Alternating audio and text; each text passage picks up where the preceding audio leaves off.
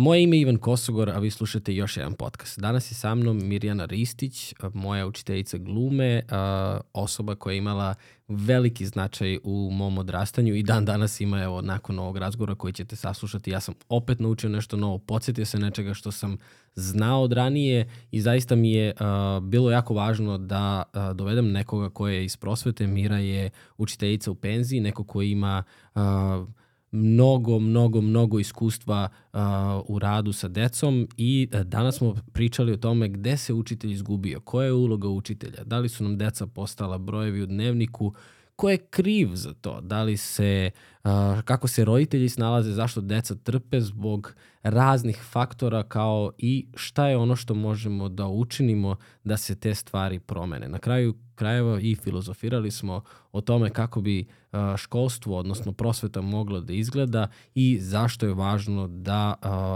postavimo neka od ovih pitanja. Nadam se da će ovaj podcast za neke od vas biti inspirativan što se tiče postavljanja tih nekih novih pitanja, jer su zaista važno. Na kraju krajeva ta deca koje su sada u školama će jednog dana biti na važnijim ulogama u ovoj državi i činit će osnov ovog društva. Uživajte u podcastu koji sledi.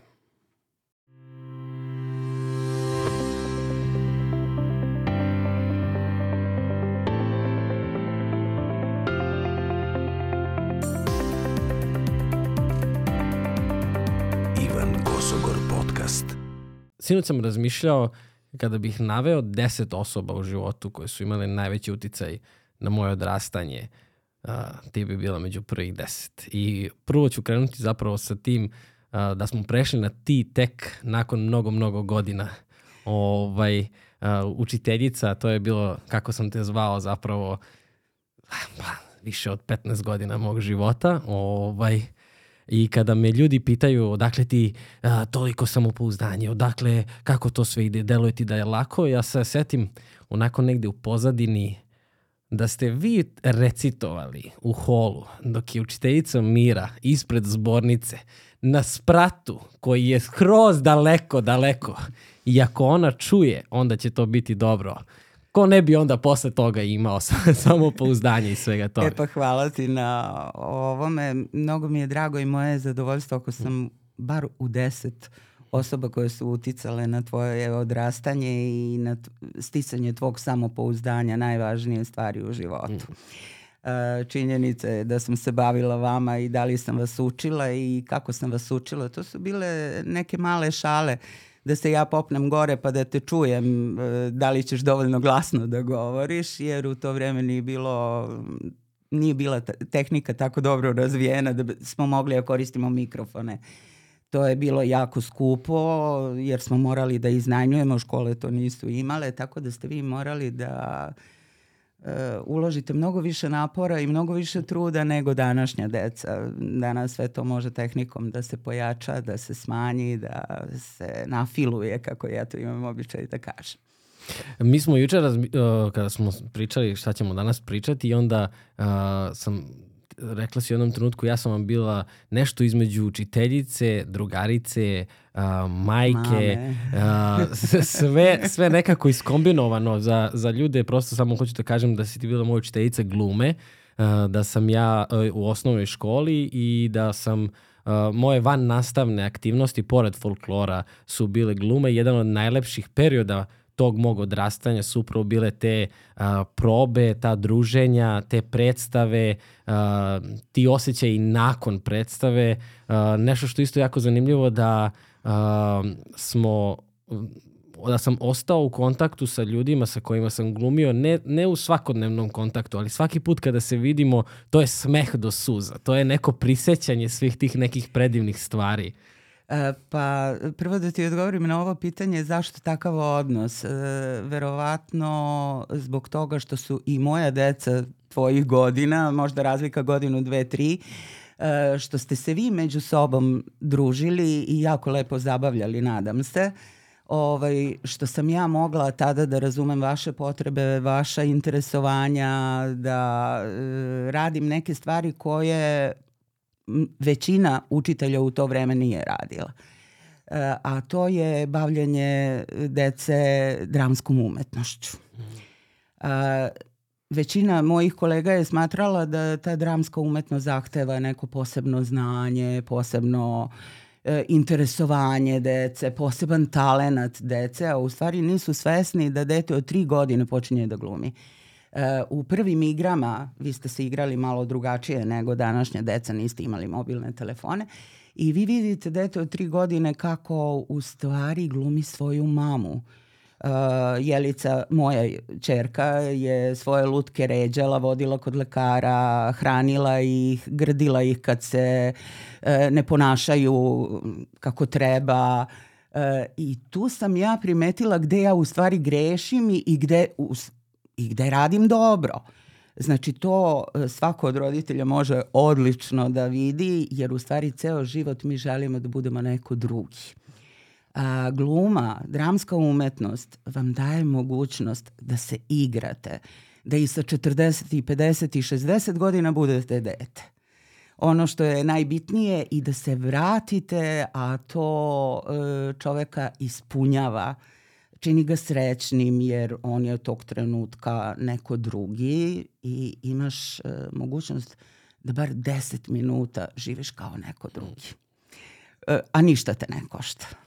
Tako da, I zabavno ove, je. I zabavno je, osjećaš se ispunjenijim, srećnijim, jer ja i danas sa skoro 60 godina se bavim glumom.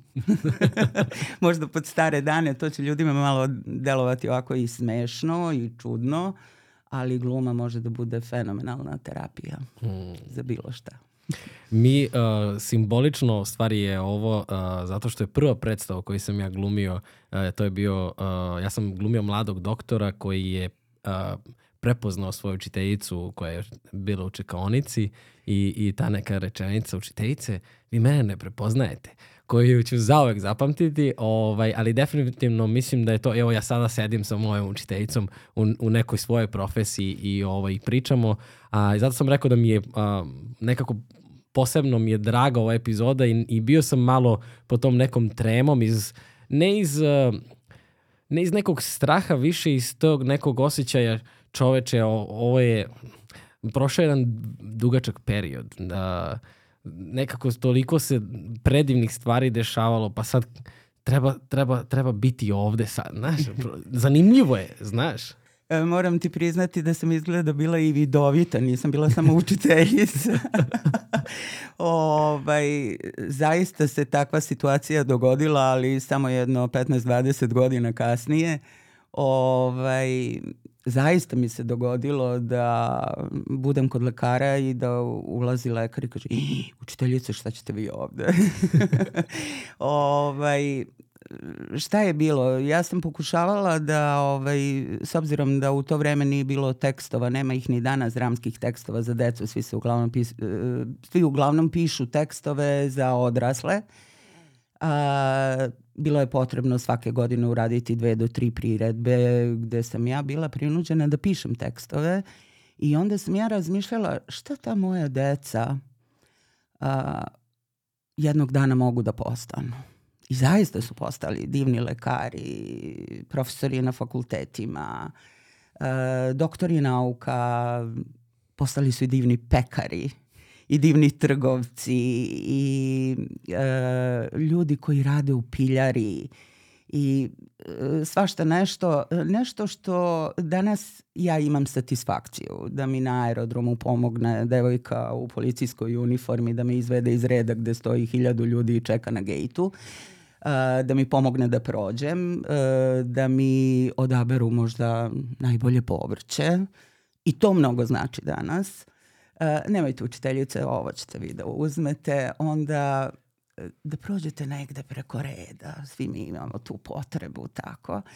I e, to je u stvari prava satisfakcija. Znači da ste ostavili dobar trag mm. e, kod te dece. Nisam ja bila baš blaga učiteljica, da se razumemo. I ja sam tražila znanje, jer i mene je neko terao na to da moja deca moraju to da znaju. Vrlo često sam dobijala one opaske od e, kolega nastavnika. Gde si sad baš našla da spremaš priredbu kad ja imam pismeni zadatak?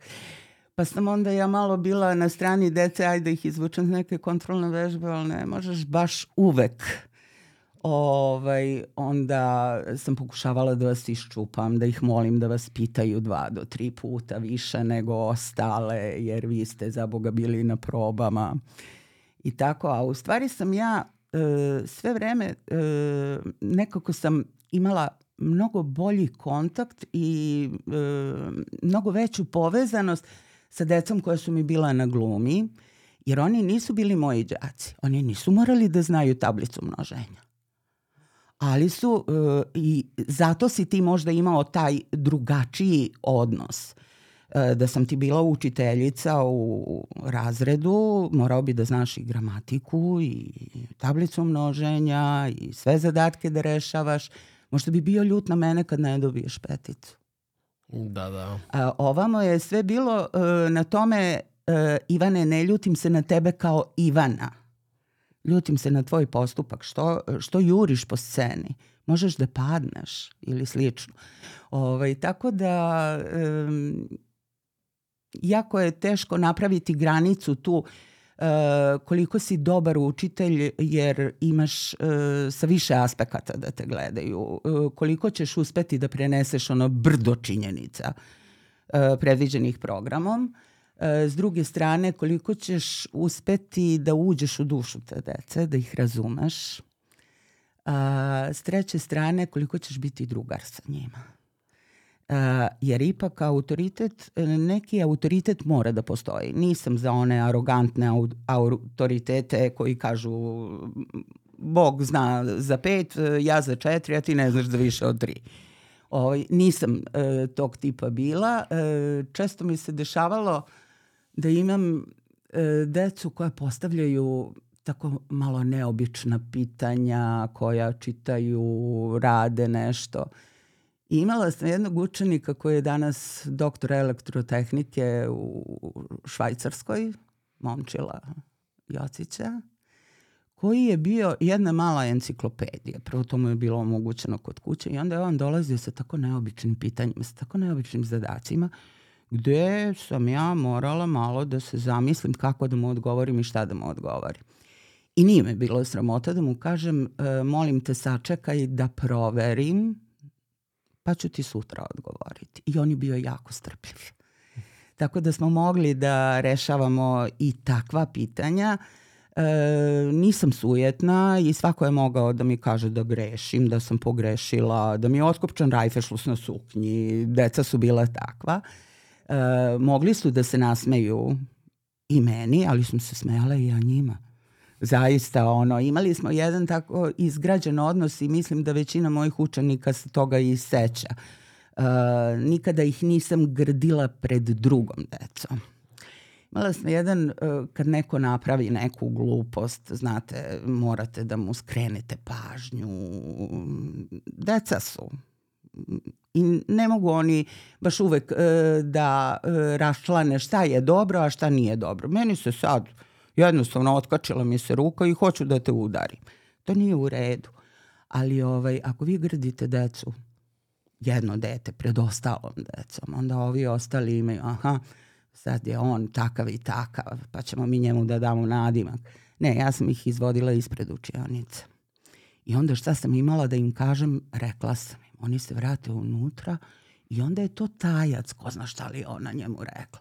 Tako da sam im malo intrigirala maštu, ovaj, oni su misli ko zna da li ga je grdila, šta mu je rekla, skinula mu ocenu iz vladanja i šta je znam. A u stvari sve su to bili e, naši razgovori koji nisu bili za tuđe uši, odnosno za uši njegovih drugara.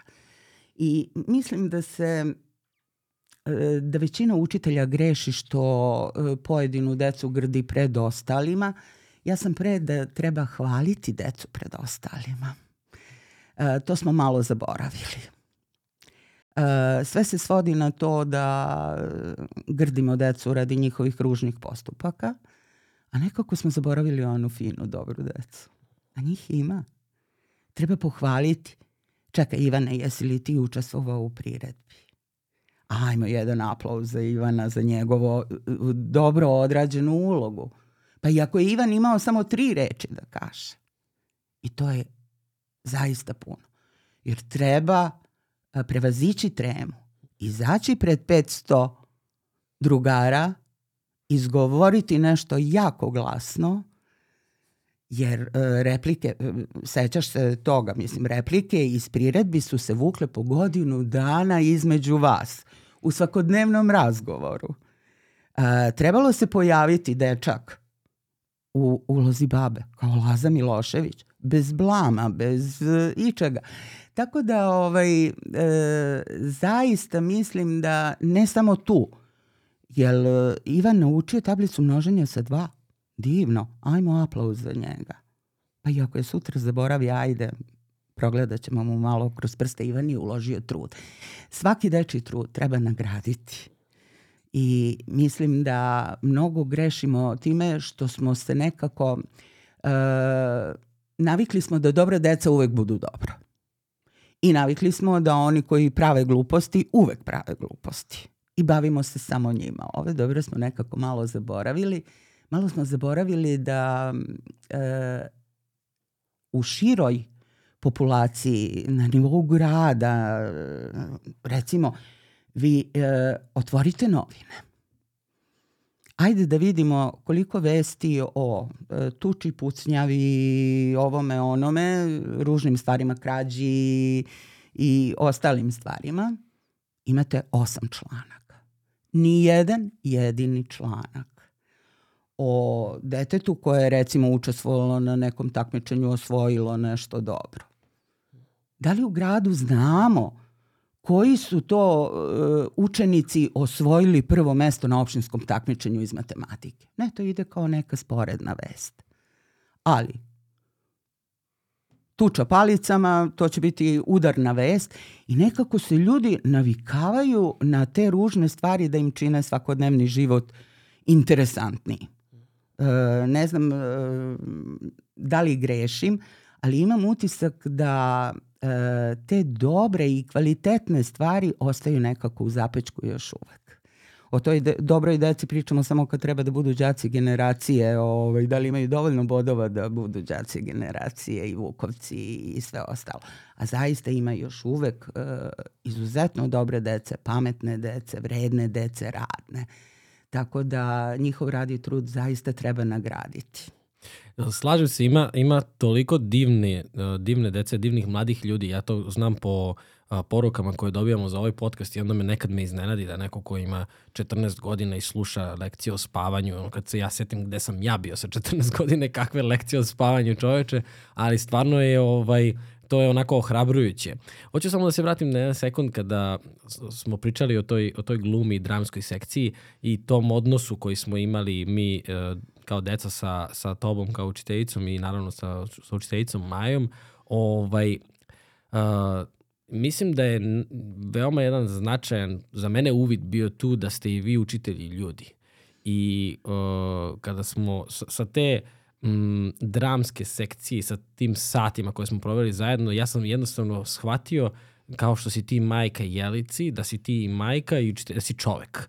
Ja znaš, jer nekako kad kreneš u školu, ono, sve ti govori da treba da se plašiš i učitelja i profesora i nastavnika, a mi smo nekako vas upoznali iz neke te druge slike i onda samim tim i sve ostale nastavnike kasnije, znaš, niko od nas nije bio ona neka ulizica sa glume, ali svi smo bili u super odnosima sa svim profesorima i nastavnicima, znaš, zato što smo bili tu i videli smo vas iz neke druge, iz neke druge priče. Znaš koliko mi je to pomoglo u smislu kasnije i uh, sa profesorima na fakultetu, sam, u samom tom pogledu na njih i mom prvom odnosu na koji bi oni isto tako odgovorili prijateljski, znaš. To mi je, mislim da mi to tako uticalo na na kasnije odnose sa autoritetima gde može da se napravi odnos gde ima poštovanja, gde ima ljubavi, ali gde ima i mesta za šalu, naravno što ti kažeš ne sada pred svima svaka šala, ali zna se koja šala gde može da prođe, znaš. I mislim, mislim da smo mi to nekako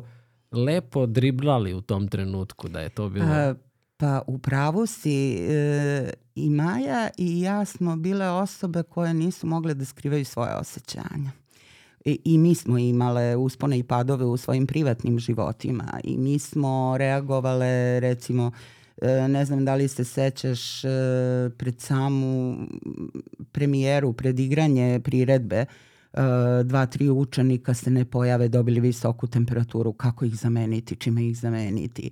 Uh, u Domu kulture recimo ne radi reflektora, baš ti taj treba. Uh, znači, uh, vi vidite taj naš bes, taj naš bunt, uh, nismo mi to mogli da sakrijemo toliko.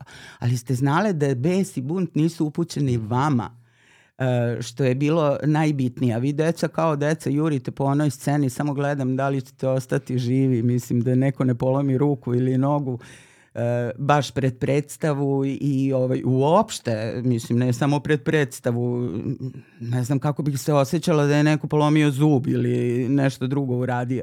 Jer vi ipak odgovarate za živote te dece.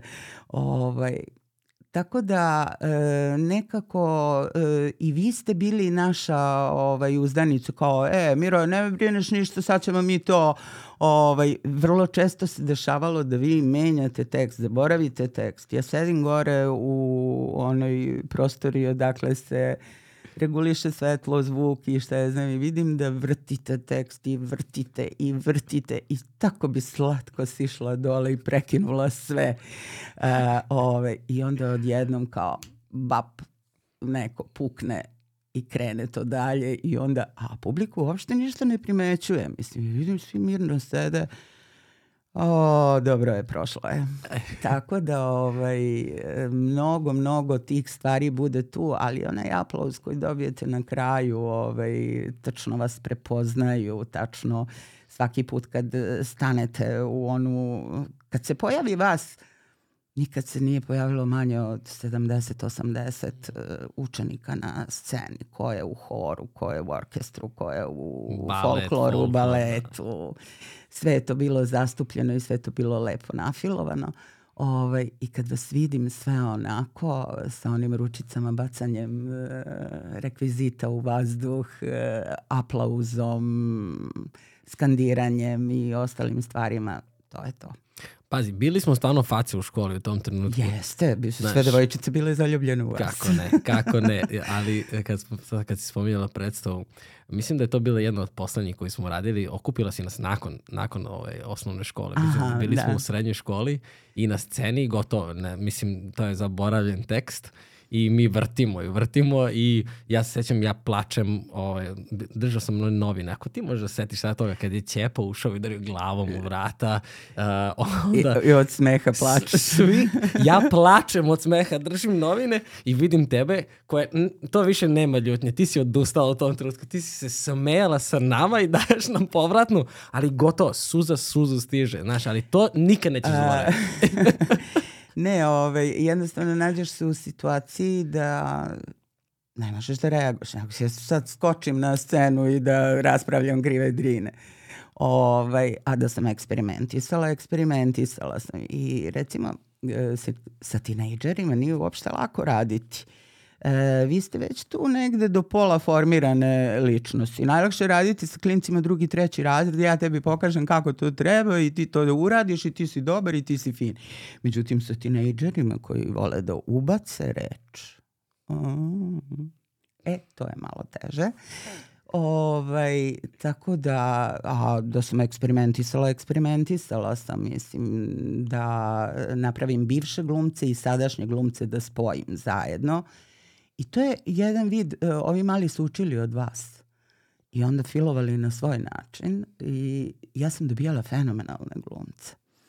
Ali e, nekako su, kasnije se to malo i razvodnilo, da bi poslednja predstava koju sam radila za 50 godina postojanja škole, gde sam uključila ljude e, različite i starosti, recimo, glumili su nastavnici koji sad rade u postavcima, a bili su đaci u postavcima.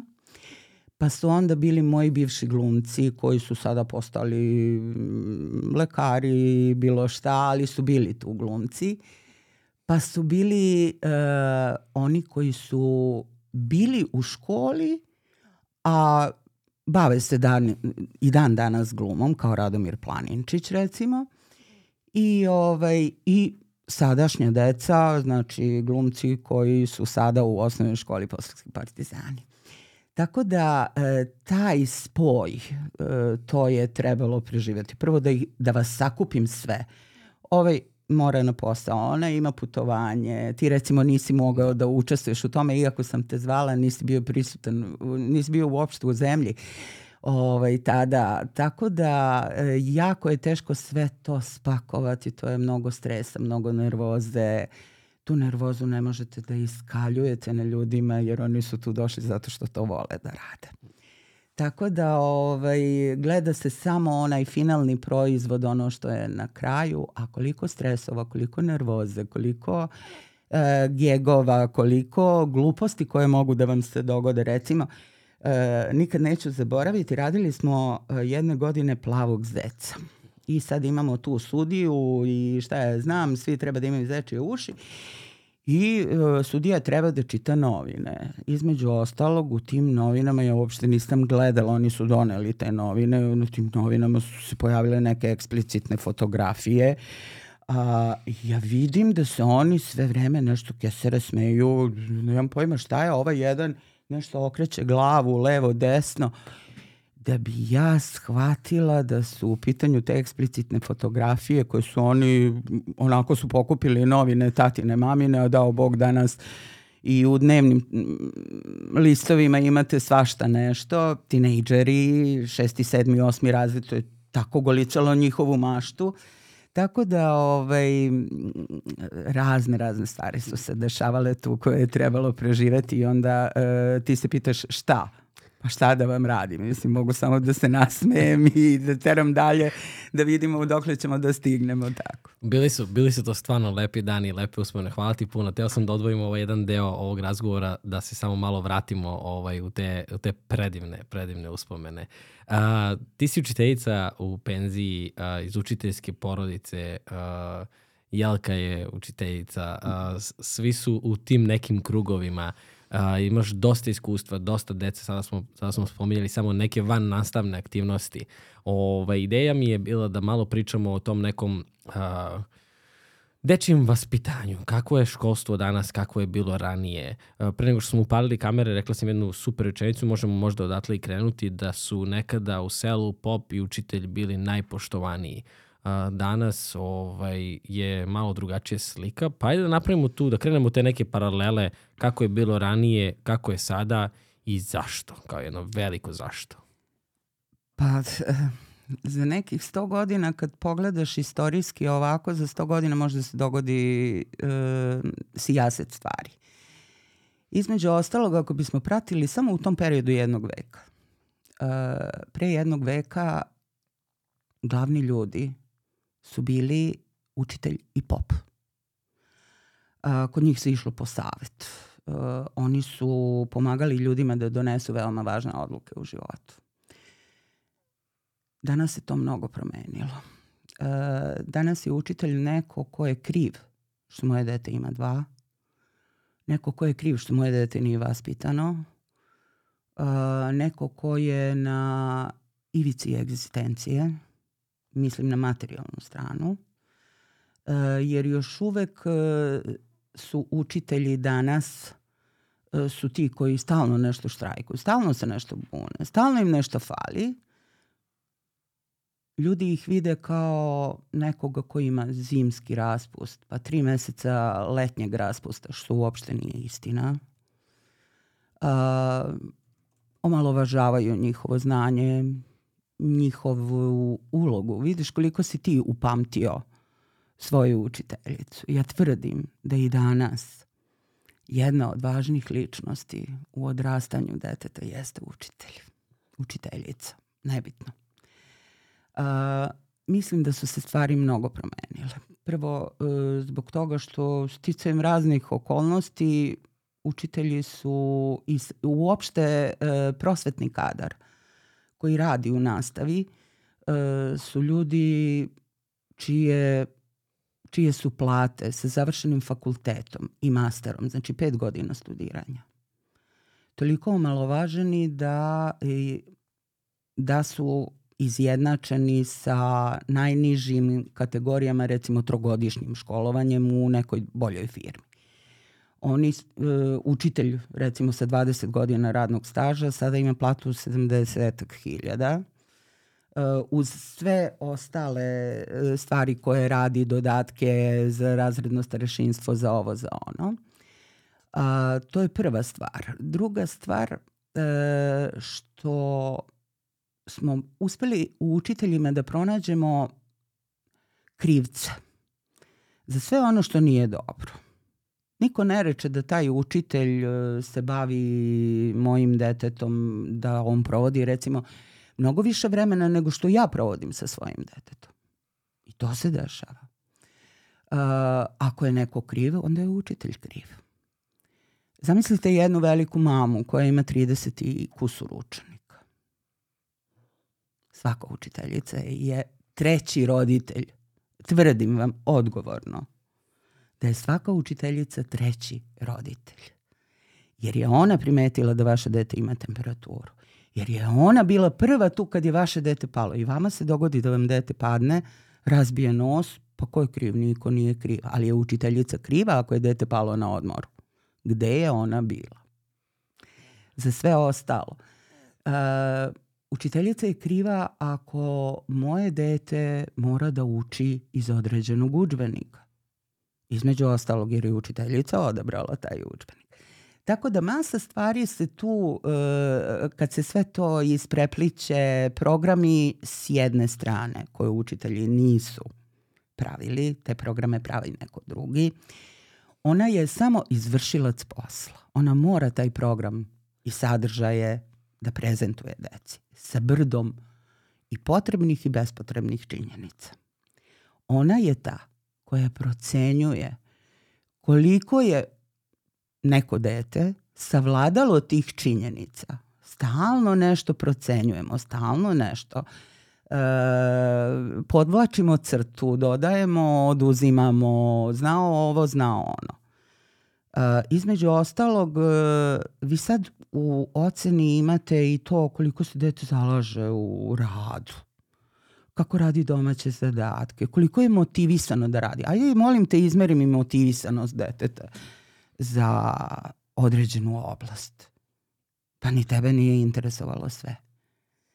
A programi su napravljeni tako da od svega čapnu to pomalo.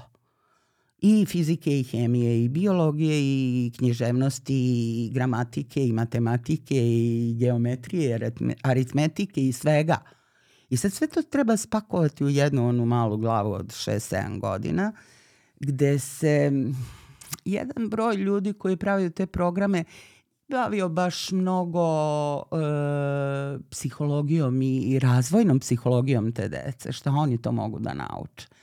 Nekoj deci je to mnogo teško, onda recimo prilikom pravljenja tih programa nije baš dobro izbalansirana obrada i utvrđivanje sadržaja. Uglavnom se sve e, svodi na reprodukovanje činjenica. E, niko se ne bavi mnogo E, znači, nekako smo zaboravili da te činjenice primenjujemo. E, jednostavno, tako su napravljeni programi. Ako se programi budu promenili, verovatno ćemo onda na testiranjima, na tim PISA te, testiranjima i na svim drugim testiranjima videti da je e, ta primena znanja mnogo bitnija. Vama i sadašnja matura jeste pitanje odgovor. Znači, opet reprodukovanje činjenica. Tako da ovaj, malo mi je žao što je taj učiteljski poziv sveden e, nekako, e, ne mogu da kažem baš da su na dnu, ali su preopterećeni. E, niko sa strane ne vidi onaj administrativni deo koji oni moraju da obave. Vi za svaki čas morate da imate pisanu pripremu stranica dve. Vi morate spremiti zadatke. Vi morate spremiti zadatke i za onog najlošijeg učenika, i za inkluzivnog učenika, i za najboljeg učenika. Znači, vi morate da pripremite tri, četiri vrste zadataka. Hajde da vidim tog majstora koji će za pola sata ili 45 minuta da spakuje 12 zadataka, da smisli i da ih napiše. Razumete? E, onda e, svaki sastanak, e, svaki susret sa roditeljima mora zapisnički da prođe. e, svaka e, smanjena ocena izvladanja, svaka pohvala, sve to mora zapisnički da prođe. Tako da su se oni pretvorili malo u administrativne radnike, Znači, e, garantujem da nekih 40% njihovog radnog vremena je u administrativnim poslovima. Vođenju dnevnika, da li je to elektronski dnevnik ili običan dnevnik, nebitno je. I jedno i drugo zahteva vreme, rad, trud, da vi spakujete rečenicu, kako to treba da zvuči. Ne možete vi e, pisati u skraćenicama, ne. To sve mora imati neku određenu formu. Uh, sledeća stvar, ono što ljudi vide sa strane kao, a da, oni imaju tri meseca raspusta. Sad ću da vam kažem. Deca se raspuste, a vi tri nedelje posle toga pišete izveštaje. Koliko ste časova održali, da li ste nešto propustili, kako ste propustili, zašto ste propustili. Znači, uh, vi do 5. jula ne idete na godišnji odmor. Vi ste u obavezi da svaki dan dolazite na posao i sedite 8 sati. Uh, ako seminari nisu održani u vreme zimskog raspusta, ono što uh, ljudi sa strane vide, ja, vidi, opet imaju tri nedelje raspusta, zamisli nova godina, pa Božić, pa je dve nedelje raspusta, pa imaju uskršnji raspust, pa imaju ovo, pa imaju ono. Niko ne vidi njihovo stručno usavršavanje koje je svake godine kontinuirano iz različitih oblasti. Uh, jako mi je žao što ljudi e, nemaju pravu sliku o tome e, i što samo oni koji su u bližem okruženju prosvetnih radnika mogu da vide koliko je njihov trud e, i koliko je njihovo zalaganje. Tako da, znate, to biti učitelj e, jako lepo izgleda. Jako lepo izgleda samo 1. septembra kad mi biram učiteljice. Znate, postala je neka moda da mi sad biramo učiteljice. Sad mi njih procenjujemo, koliko one znaju, kako se one trude, e, razumete? To, ko će procenjivati moj rad? Jeste eksterna komisija, moj direktor, ali ne i e, bilo ko, da li mu se sviđam fizički, da li vičem, ne vičem, da li sam tiha, povučena ili sedim na trgu i pijem kafu sa tim i tim. Znate, te male sredine e, jako, često se dogodi da u tim malim sredinama mi procenjujemo ljude na osnovu nekih nebitnih i nevažnih stvari. Znate, i onda e, dajemo sebi za slobodu da mi biramo učitelja. Da li je tvoj tata mogao da bira učiteljicu u mestu gde je on živeo? Ne, nije mogao. Gde upadneš, tu si i taj te uči i to je to. Danas nam je dato mnogo toga. Učiteljice su 24 sata dostupne. One moraju da daju svoj broj mobilnog telefona da bi roditelji mogli da e, jave da je dete bolesno. Onda oni to pomalo i zloupotrebe. Mislim, kao u fazonu, uh, Pera je zaboravio šta ima za domaći. Mislim, šaljete mi poruku u 6 sati uveče i ja imam decu. Razumete? Ali ne možete ni da ostavite Peru bez domaćeg zadatka, jer je Pera samo dete koje ima pravo da zaboravi. Razumete? Znači, nije vaš život. Uh, administrativni radnik uh, zatvori svoju kancelariju u 3 sata, bankarka zatvori šalter u 4 popodne i ide kući. I ona je mama svoje deci. Ja po svojoj deci redko kad sam mogla da bude mama. Jer sam imala telefonske pozive. Pera ima sukob sa Đurom Pera i Đura, ajde da vidimo kako ćemo da rešimo, šta ćemo da rešimo, jer mama tada ima vremena da priča sa mnom. Razumete? Nebitno je da li sam ja došla kući, da li treba da spremim večeru svojoj deci, da li treba da budem samo mama svojoj deci. Znate, imam pravo i ja da budem mama. E, tu e, mislim da je ta uloga učitelja, jako bitna u odrastanju dece, da smo malo izvitoperili taj odnos prema učitelju, jer e, ja se sećam kao dete da moja mama koja je bila učiteljica, kad dođe kod moje učiteljice, Znači, to je razgovor jednom u mesec dana. Sad može svako da vas simne telefonom za svaku sitnicu. Sad postoje grupe na društvenim mrežama, uh, gde učiteljica daje uputstva kako treba uraditi, šta treba uraditi, posebno u ovom periodu korone kad je bilo. Mislim, ljudi, tad su učitelji morali da kupuju bolje telefone. Zamislite jednu uh, porodicu gde su otac i majka prosvetari pa imaju dvoje, troje dece. Uh, deci uh, su neophodni dobri uređaji, njima su potrebni dobri uređaji. Ne živimo svi u dovoljno velikom prostoru, nego u jednoj prostori se radi na dve strane. Pa zamislite mamu i dete koje e, istovremeno treba da e, dete da prati nastavu, a mama da drži nastavu. Znate, i to su neke stvari koje, na koje smo mi prevideli. Nekako su prosvetari e, dali mnogo svog novca da učestvuju u tome. Druga stvar, škole nemaju dovoljno novca ni za papir, za šcampanje listića. Često se dešava to da učitelji iz svog džepa štampaju listiće jer im je neophodno, ne mogu baš crno-beli listić, mora da bude malo i boje i svega i svačaka. Vrlo često se dešavalo, a ide opet da se vratimo na glumu. Ja kažem ovom direktoru, meni treba od scenografije to, to, to, to, to i to. Se uhvati za glavu i kaže, znaš li ti koliko to košta? Odakle mi pare? Prva rečenica je, odakle mi pare? Znate, i onda, uh, a tebi je jako bitno da to bude urađeno kako treba. Hoću kutak, hoću knjige. A, ne mogu ja naterati roditelji sad da kupe e, lektiru, ali to dete treba da pročita nešto. Treba da pročita određenu knjigu. Ako je van lektire Vesne Aleksić, recimo, ja sam kupovala knjige Vesne Aleksić. Da deca znaju da u Obrenovcu živi žena koja piše divne priče za decu i koje bi oni trebalo da pročitaju.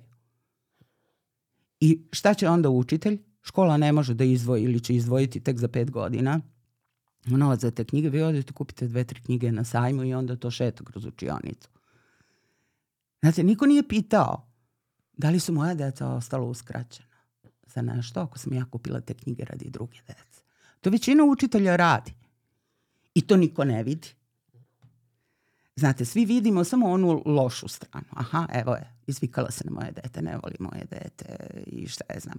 E, nekako smo skloni uh, da uvek tražimo ružne stvari, a da one dobre stvari uh, redko kad izađu na videlo. Mislim, jako su redke situacije. Uzmite obranovačke novine. Da li su obranovačke novine nekada pisale o nekom nastavniku, učitelju u Obrenovcu? Bilo ih je mnogo. Mnogo dobrih. Uh, vi ih nosite u uspomenama. Zato ja kažem, jako mi je drago ako sam ostala u sećanju bilo kog deteta koje je prošlo, što ja kažem, kroz moje ruke. E, na čije sam vaspitanje, obrazovanje, na čiji život sam uticala makar malo. Znači da me je upamtilo po nečem dobrom. I to je najveća satisfakcija ovog posla. Vi nemate ni materijalnu satisfakciju, ni bilo što drugo. Imate ono da vas neko prepozna na ulici, da stane, učiteljice, kako ste? Meni je to sasvim dovoljno. To je najveća satisfakcija jednog prosvetnog radnika koji može da bude. Vi se čak i ne sećate iz koje vam je generacije to dete, jer vi se promenite. Mislim, teško vas je prepoznati.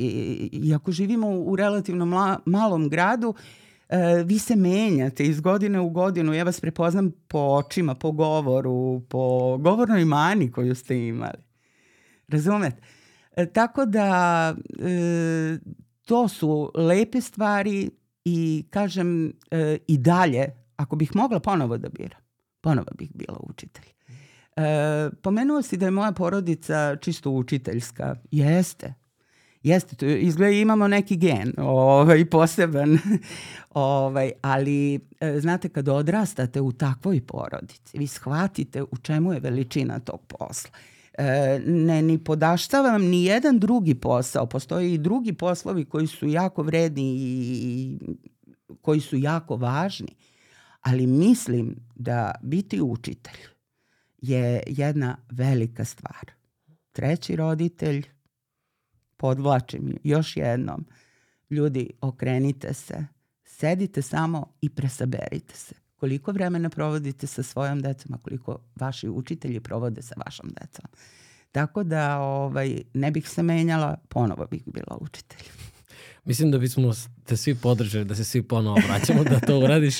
A kaži mi jednu stvar si sada rekla, onako baš me zagolicala, da uh, sada neko od roditelja to shvata lično ako ti, na primjer, izgradiš dete, ne znam, ako nekad podvikneš na to dete, ako mu ukažeš na nešto što nije dobro, pa roditelji to kažu, eto, ne voli moje dete, tako dalje. Imam neki utisak da bi moja majka pre, kad sam ja išao u osnovnu školu, tebi rekla hvala, sledeći put ga izdribla još više, znači prosto nemoj da mu dozvoliš, zato što je na duže staze to jako korisno za dete. Uh, šta se to desilo? Da li su, šta se to promenilo da, mm, da, da, da to postane ono obrnuto, da u stvari od, od te neke zahvalnosti koje bi u nekoj mojoj logici takođe trebalo da se, da se iskaže, jer tebi realno ne bi trebalo toliko da stane do tog deteta, ali naravno kada proviš toliko vremena pa ga prihvatiš kao svoje dete, ovaj, ne kažu čiteljice, ne kažu čiteljice bez veze moja deca, moja deca, znači tu ima da, neke snage. Da, to moje dete. Da, to, to je zaista tako. Znaš, šta se to desilo? Jel su tu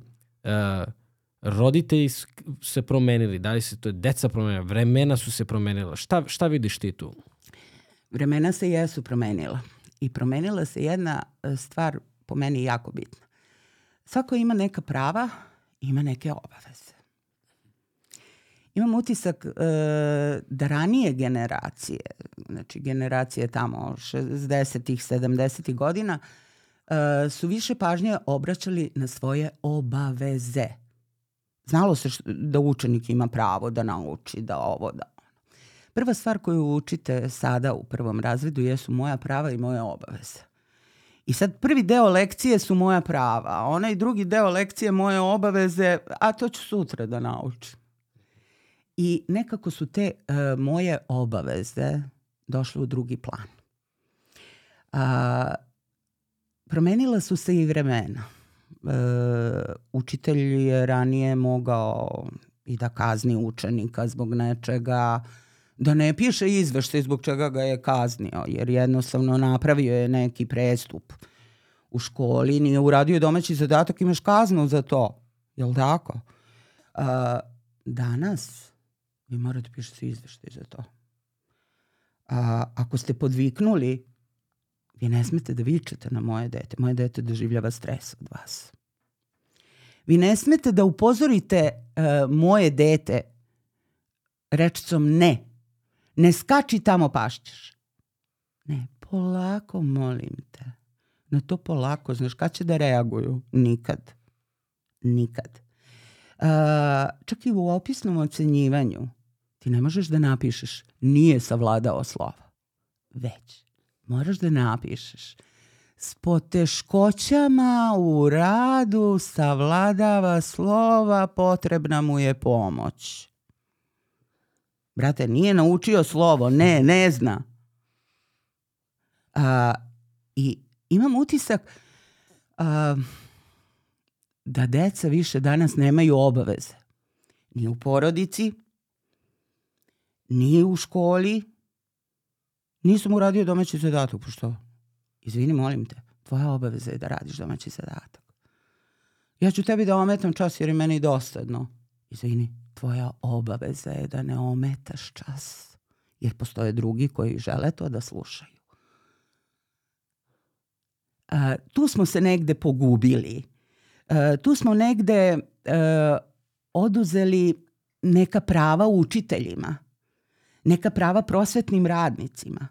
Ajde ne govorimo sad samo o deci od prvog do četvrtog razreda. Šta sa srednjoškolcima koji izvlače stolicu nastavnici? Koji poturaju nogu drugu da padne, koji e, rade e, izuzetno teške stvari, prestupničke stvari za koje ne moraju nikome da odgovaraju. E, tvoja mama je odlazila kod učiteljice i rekla šta, nije uradio domaći zadatak, ma vidjet će on svog Boga kad ja dođem kući. Danas je to nasilje u porodici. Znate šta je nasilje u porodici? Ima ga. Ima ga, ali to rade bolesni ljudi. To nisu zdravi ljudi. O čemu pričamo? O autoritetu. U porodici mora da postoji autoritet. To se izgubilo. Vi sad otiđite u Maksi. Ja sam neki dan prisustvovala jednoj sceni gde sam bila užasnuta. Klinac od 4-5 godina šutira babu jer neće da žena verovatno nema novca da mu kupi neku posebnu čokoladu, on tu besni histeriše, valja se. To kod moje dece nije moglo da se dogodi. Zašto? Zato što sam ja moje deci pokazala pri povratku iz vrtića, imamo toliko i toliko novca jer su gađani, e, vaspitavani su i odrastali su u vreme inflacije. Imamo jednu novčanicu, za nju moramo da kupimo to što nam treba za večeru i možemo da kupimo tri železeke. Misliš da je neko od njih posegnuo za nečim drugim osim železeke? Ne, nije. A, to nisu autoriteti. Ja nisam bila onaj arogantni autoritet. Ali e, mora da se zna.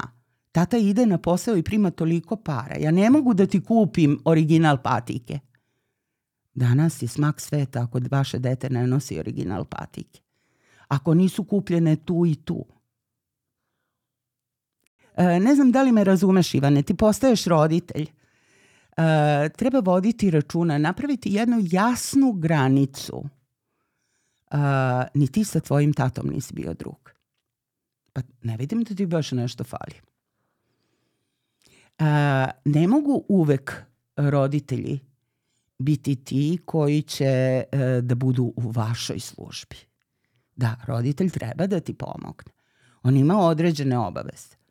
Sve češće se čuje rečenica tvoja obaveza je da mi kupiš original patike. Da mi obezbediš dobre knjige, da mi obezbediš ranac, da mi obezbediš to, jer ja hoću da budem najbolji, da se svi okrenu za mojim rancem, za mojim patikama, za mojom majicom ili ostalim stvarima. Niko ne pita te roditelje da li trče s jednog posla na drugi posao da bi obezbedili osnovne egzistencijalne potrebe. Stan, auto, hranu, sve je izuzetno skupo. Znate, treba preživeti u ovom ludom periodu. I u ludom vremenu, kad vama e, novac odlazi na možda nebitne stvari, kad padate u dugove, da biste živeli samo e, e, sasvim normalno. Znači, da biste obezbedili prostor gde živite, da biste obezbedili auto da se prevezete s jednog mesta na drugo mesto ili da nešto uradite. U mom okruženju veliki broj mladih ljudi trči s jednog posla na drugi posao. I moja deca isto tako rade. Znači, svi traže neke e, dodatne poslove kako bi obezbedili makar malo viška novca koji će da upotrebe za letovanje, za zimovanje. I ne to letovanje na Maldivima, nego letovanje u Crnoj Gori, u banji ili bilo gde. Znači negde gde odete na sedam dana. A i onda je jako bitno gde ste otišli na letovanje.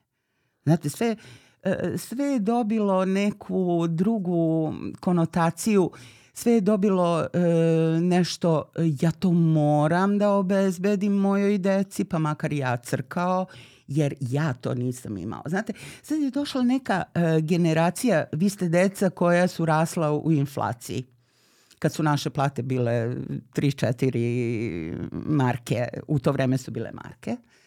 Ovaj, I ja nikada neću zaboraviti, moj najstariji sin je želeo u to vreme roller koji su koštali 40-50 maraka tad. I, ovaj, I kad sam ja uspela da skupim taj novac da mu kupim rolere, već su svi imali te rolere i već su izašli iz mode. I on kaže, pa koga to sad interes? Da sam tad mogla sebe da ujedem, najradije bih to uradila, jer ja nisam to njemu omogućila. Ja gledam sad njega koji deci iz svog okruženja, pošto još uvek nema svoju decu, ovaj, kupuje izuzetno skupe igračke. E, imam utisak da većina roditelja to sada radi. Znaš, nisam imala ja original patike, zato će moje dete da nosi original patike. A da bi mu kupila te original patike, ja moram da uradim još dva, tri dodatna posla. I onda, e, gde je tu kraj? Koliko se bavimo svojom decom? Znate, vi na poslu niste sa svojom decom. Ne bavite se svojom decom. Da li je sve u tome da ti nosiš markirano, firmirano, da ti budeš uh, neko za kim će se okretati društvo? Ili je jako bitno to da sedneš na biciklo i voziš dva sata i pričaš sa svojim detetom o bitnim i nebitnim stvarima, o drvetu što se nakrivilo na onu stranu, što se nije nakrivilo na ovu stranu. Znaš, i to su neke teme u ko, o, gde treba pričati sa decom. Gde misliš da se izgubilo to, uh, gde misliš da se u stvari napravila ta neka možda ne, neizgovorena uh, kompenzacija u smislu, ok, dete će da trpi, ali barem će dete da ima, da ima a, u smislu gledanja na, na, drugi, na duge staze, znaš. Uh, ja uvek uzimam u mojim podcastima moj lični primjer, jednostavno to je nešto što je, što je meni poznato. Znaš, moja majka nije radila kada sam ja bio mali i posvetila mi je mnogo pažnje. I tu definitivno, definitivno ima razlike kada se uzme i današnja statistika, to znam samo u Americi, ne znam koliko je kod nas, ali znam da uh, deca koja su iz brakova, koji su razvedeni i tako dalje, znači deca samohranih roditelja, uh, su sklonija kriminalu, sklonija krađi, sklonija najrazličitim drugim uh, stvarima koje nisu dobre za njihovu budućnost. Znaš, ako pogledaš i sa druge strane i kad vidiš da, da su današnji mangupi, znaš, uh, ne znam, ja kad sam išao u školu, mangup je bio onaj koji je imao dobre ocene i znao je da se našali. Znaš, taj je bio faca onaj koji je zapalio prvi cigaru, mi smo svi njega plašili, mi smo bili u fazonu, ovo, ovo nije normalno, ovo će da nas ubije. Znaš, a zapalio cigaru, danas puše deca u osnovnoj školi, znaš. I to je ono, um, i malo pre si spomenuo, stvari, na samom početku kada si 100 godina period. Meni nekako deluje kao da se za poslednjih 10 godina sve promenilo. Kao, opet ja nisam, uh, ti si u školi pa me zanima. Možda si u pravu, mislim da su nam negde 90. bile prekretnica. E, sva ona dešavanja, inflacija, bombardovanje, sve to je dovelo do nekih um, do nekih e, stvari koje postaju bitne i važne. Uh, 90. godina Mangup, pod znacima navoda, je kraj, kraj 90-ih, početak 2000-ih je bio onaj ko vozi dobar auto sa 17 godina. Gde je zaradio? Vozi Porsche kupio mu tata. A, gde su svi gledali kako da na najbrži način dođu do novca. I mislim da nam je to, e, postoji jedna rečanica koju roditelji vrlo često izgovaraju, ja sam mu dao sve, a on neće da uči. Da li je to, da li je to e, prava slika? Ja sam tebi dao sve. Šta si mi dao? Nisi mi dao ništa, materijalne stvari. E sad, e, koliko su nama materijalne stvari bitne u životu, za razliku od onih drugih stvari koje nosite tu, velika je razlika. Sam si rekao da tvoja mama nije radila. Nisi imao sve. Nisi nosio original, koliko se ja sećam. Ali nisi bio manje srećan. Oh, ne. To nije merilo bilo. To nije bilo merilo. Danas je to merilo kakve će sluške da nosi na ušima, koji će telefon da ima i sve ostalo. Tako da ovaj, e, mislim da ono kroz što je Srbija prošla e, je i dovelo do sva ta previranja i sve te dogodoštine na koje mi nismo, obi, mi obični ljudi. E, govorim o sebi i o ljudima sličnim meni. E, nismo mogli da utičemo mnogo nismo uspeli da se snađemo, jer nismo bili ni na pozicijama, pitanje je da smo bili na poziciji da smo mogli da kupimo firmu ili da radimo neke druge stvari koje, na koje danas mi gledamo onako pogrdno malo, ovaj, da dođemo do novca, da se bavimo trgovinom, narkoticima ili bilo čim drugim. Ovaj, da li bismo mi živeli drugačije? Da li bi nama kriterijumi bili drugačiji? E, mislim da ne bih mogla. Niko meni nije branio da stanem na ulicu i da dilujem devise. U to vreme. Dok su to radili neki ljudi koji danas su na položajima visoki. Oni su vlasnici firmi i svega, a ja sam samo jedna obična učiteljica u penziji. Ali imam puno srca i mirno spavam što je najbitnije. da, da. Mislim, to je svako pravi neke svoje izbore i te, uh, te vrednosti. Meni, meni, znaš kako meni izgleda? Uh, kao rečenica, to, to sam, ovaj, to to je nešto što je mene onako oblikovalo, to je da meni nisu govorili roditelji nemoj to, ne, ne smeš to i tako dalje. Meni, su, meni je tata govorio kad izađeš iz kuće, gledaj da me ne osramotiš. Znaš, ja imam mm -hmm. 10 godina, a on kaže, nemoj neko kaže da me zaustavi na ulici i da mi kaže ona i tvoj. Ona i tvoj nešto. Ne, ni, neću se lepo ja osjećati. Znaš, kad, kad ti objasni neko i onda mi to ponavlja do, pa ja mislim da, da bi mi on to rekao i dan danas kada bih mi ja predložio nešto glupo da uradim, što ovaj, se ne isključuje iz mogućnosti, ali ovaj, verovatno mnogo ređe. Ali hoću ti kažem, govorio mi to, dugo mi je ponavljao, nemoj da me osramotiš, nemoj da me osramotiš, znaš.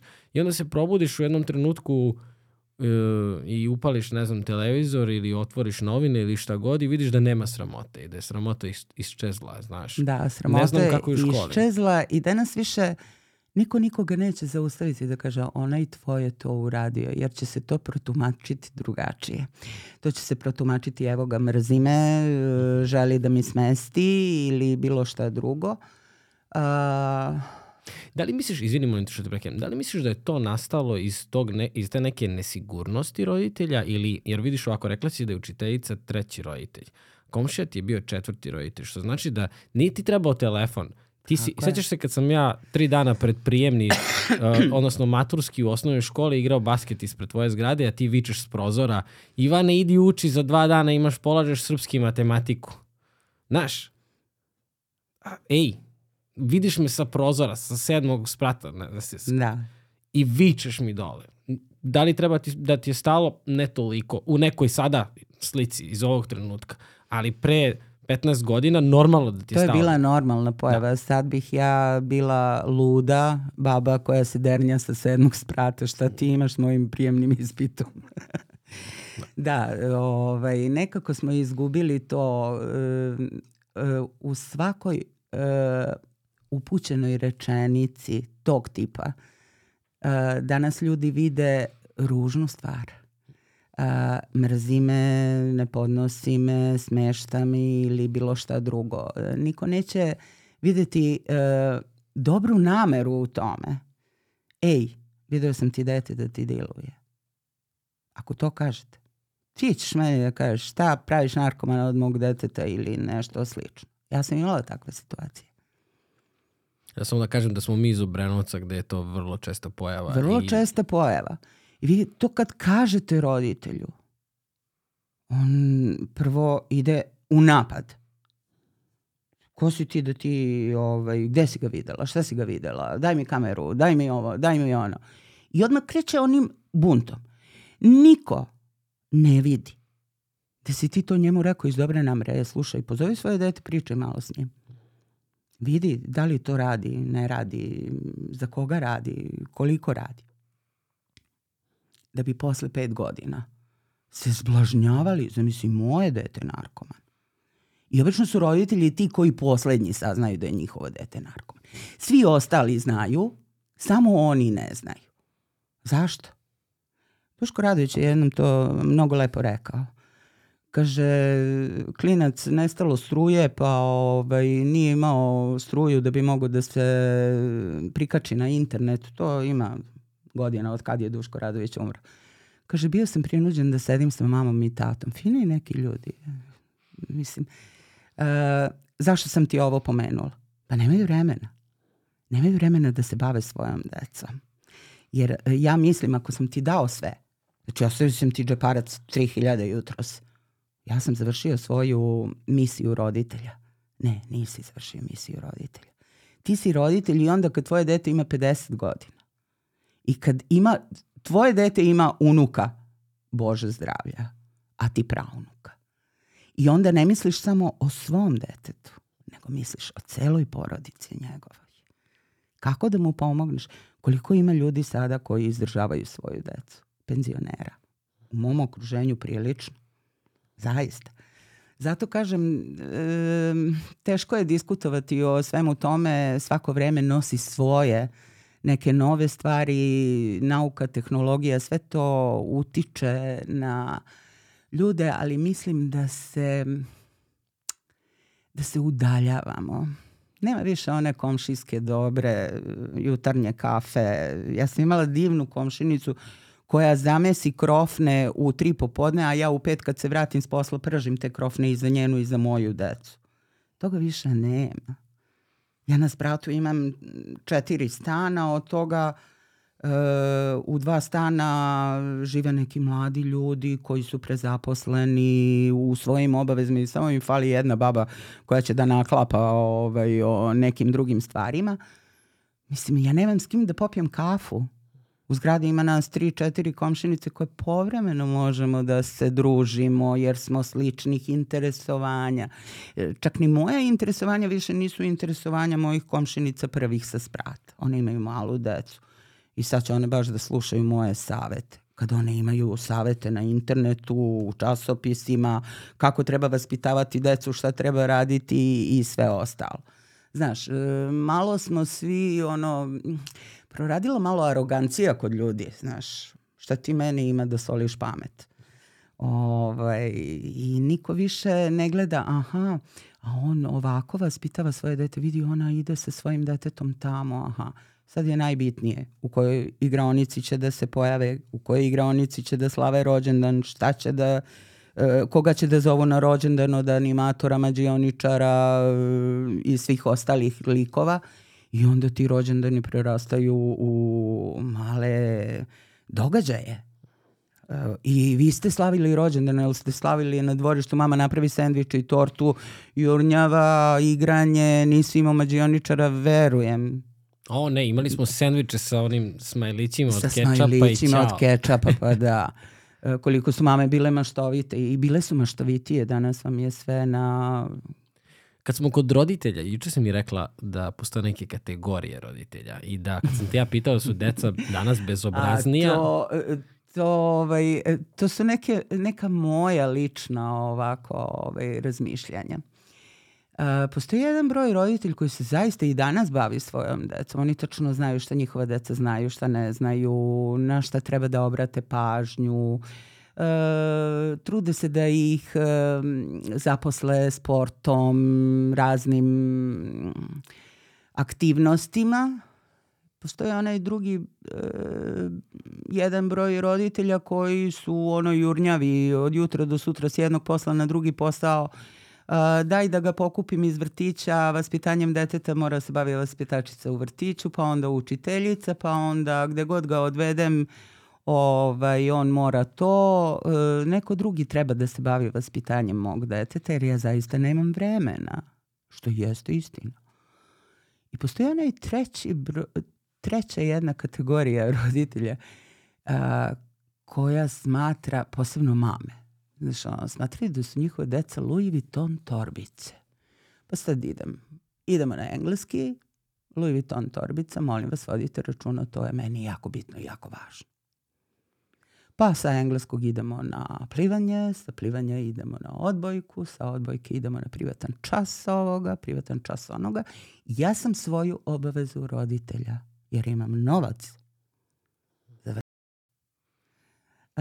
znaš, um, neki put uh, nismo svesni dečje radoznalosti, one prirodne dečje radoznalosti. Nisu deca drugačije. Svi imaju isti genetski kod. I svi se oni rađaju uh, kao nevina bića. Bića koja su samo radoznala. Dete od godinu dana trpa sve živo u usta. Zašto? Pa da proba, da vidi da li je za jelo ili nije za jelo, zašto služi, ono ustima to doživlja. Da bi kasnije doživljavalo to vidom, sluhom, nekim drugim stvarima. Samo što se niko više ne bavi psihologijom i, i razvojnom psihologijom dece u, u tom ranom periodu. Pa onda dolazimo u situaciju da jedno dete uh, svira određeni instrument, uh, mora da ide, bavi se sa dva sporta, treninzima, onda ide, sluša dva jezika, ide na privatne časove jer ne može da postigne matematiku. Gde je njegovo detinjstvo? Alo, to je ta Louis Vuitton torbica koju šetamo sa jednog na drugo. Jer dete ne može da odluči. Ok, jel ti imaš sedam godina? Hoću da idem na futbol, hoću da idem na folklor, hoću da idem na odbojku. To je tri sata dnevno. Ako ćeš nečim da se baviš, ja sam to i svoje dece govorila, birajte fakultete gde ćete biti najbolji. srednjaci prolaze tu i tamo. Ali ako si najgori na fakultetu i ako si najgori u tome što radiš, koja je svrha? Koja je svrha? Zato treba da odaberu. Mislite da deca nemaju, ne znaju da odaberu? Znaju. I te kako znaju da odaberu. Ali se često to što oni odaberu ne poklapa sa željama i htenjima roditelja. Ja nisam bila dobar uh, sportista, e, moje dete će da bude dobar sportista. Ili bilo koja druga stvar. Ja nisam uspeo da završim fakultet. E, ti ima da završiš doktorat. Ne fakultet, nego doktorat ima da daš.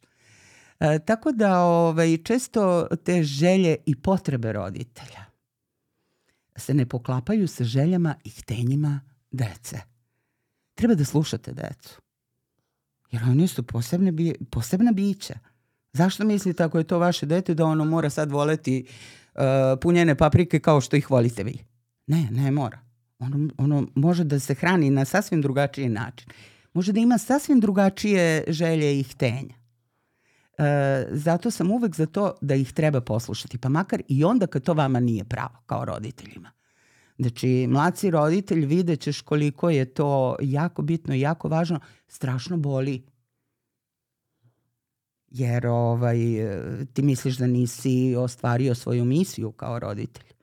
Ne, ako ćemo to da nazovemo misijom nekom, po meni je to ipak misija u, u životu kad ti na kraju podvučeš crtu pa vidiš gde su stigla tvoja deca. I svi mi želimo kao roditelji da nas naša deca prevaziću. Ja sam presrećna jer su me moja deca prevazišla. Uh, mislim da je to želja svakog roditelja. E sad, pitanje je koliko se na kraju, koliko ste zadovoljni njihovim uspehom u životu. Šta ako vaše dete iz nekog glupog razloga nije uspelo? Nije uspelo da završi fakultet. Zašto je upisalo fakultet koji ne voli? A onaj drugi je uspeo, zamisli, Mikin sin je doktorirao. E, kako ti ne možeš da budeš kao Mikin sin? I to, i to stalno to poređenje. Ja imam blizance koji su dva sveta. Janko i Jelica. Skroz. Dva sveta. M različitog pola, M e, jedno na jednu stranu, drugo na drugu stranu. E, jedno i drugo su na svoj način uspešni ljudi. E sad, pitanje je da li je sve u titulama ili u novcu ili u nečem trećem. Bitno je da su oni meni srećni i zadovoljni. Znači, e, nebitno je gde rade, koliko rade, šta rade. E, nemoj e, misliti da su najsrećniji ljudi koji imaju doktorate. Nisu. Nisu. Nekad i pekar može biti presrećan čovek. Jer radi posao koji voli. I to uh, zaista treba pozdraviti. Mislim, ja ne vidim neku veliku razliku. Uh, najstrašnije je ako se ujutru probudiš i razmišljaš, zar sad opet moram da idem tamo? To je za mene smrt. Znači, uh, nervira me šef, nervira me kolega iz kancelarije, nervira me kompjuter, ja bih nešto drugo ali ti već imaš 30 i kusru godina i malo ti kasno, znaš, da menjaš e, i navike i bilo šta što se tu uh, pojavljuje.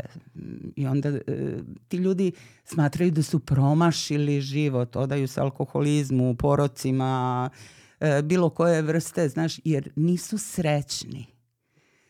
E, moj mož ima jednu mnogo dobru filozofiju, kaže u životu treba budeš dva puta pametan. Samo dva puta. Kad biraš posao i kad biraš bračnog druga. Znaš, on se izgleda, on je izgleda bio jako pametan da žive penziju na istom radnom mestu. Ovaj, sa mnom je već 37-8 godina. Tako da, ovaj, u principu kad sedneš i razmisliš u, u ovim mojim godinama, ovaj, pa stvarno je velika životna filozofija biti dva puta pametan u životu. Kako ne, kako ne. Slažem se sa Zokim, sviđa, sviđa mi se to. Ovaj, definitivno ću ovaj, zapamtiti da, da prenesem dalje. Ovaj, šta sam teo da te pitam? Uh, hoću samo da se vratimo samo na sekund na prosvetu i na uh, tvoje gledanje na današnjeg sistema o, dogodile su se neke nove promene. Ti ja kad smo pričali, rekla si nisi za ocene. Uh, ajde da pričamo prvo o tim ocenama, a onda da imam još par nekih pitanja, baš vezano suvo za sistem prosvete. Uh, zašto nisam za ocene? Pa ovaj... Pazi, ovo dolazi od tebe sa iskustvom koje si dala mnogo ocena. Da, Da, e, i zbog kojih sam se ždrala i nervirala ne, neprospavane noći i ostale stvari, da li sam mogla mu dam pet ili sam trebala da mu dam četiri. E, zašto? Zato što e, jako je teško izvagati taj broj činjenica koliko je dete sposobno da vam reprodukuje. E, mi smo samo obično ljudska bića Možda sam se tog jutra probudila sa glavoboljom. Kao đak. Govorim iz ugla učenika. E, možda su se sinoć mama i tata svađali pa nisam spavao. A to ne mogu ja kažem učiteljici. To je sramota. E, možda mi je drugarica uputila nešto ružno, drug. E, možda sam isfrustriran zbog nečeg ovako. I sad me ona još pita tu Šta ima da joj pričam? Pa zna ona to bolje od mene. Uh, različita su deca danas. I kad ti uh, dete čuti i ti kreneš da ga motivišeš da on krene, ajde da ga podsjetiš malo kao šta on to treba da kaže, on kaže pa to sam hteo da ti kažem. Uh, I sad kako ti na to, to sam hteo da ti kažem, da proceniš.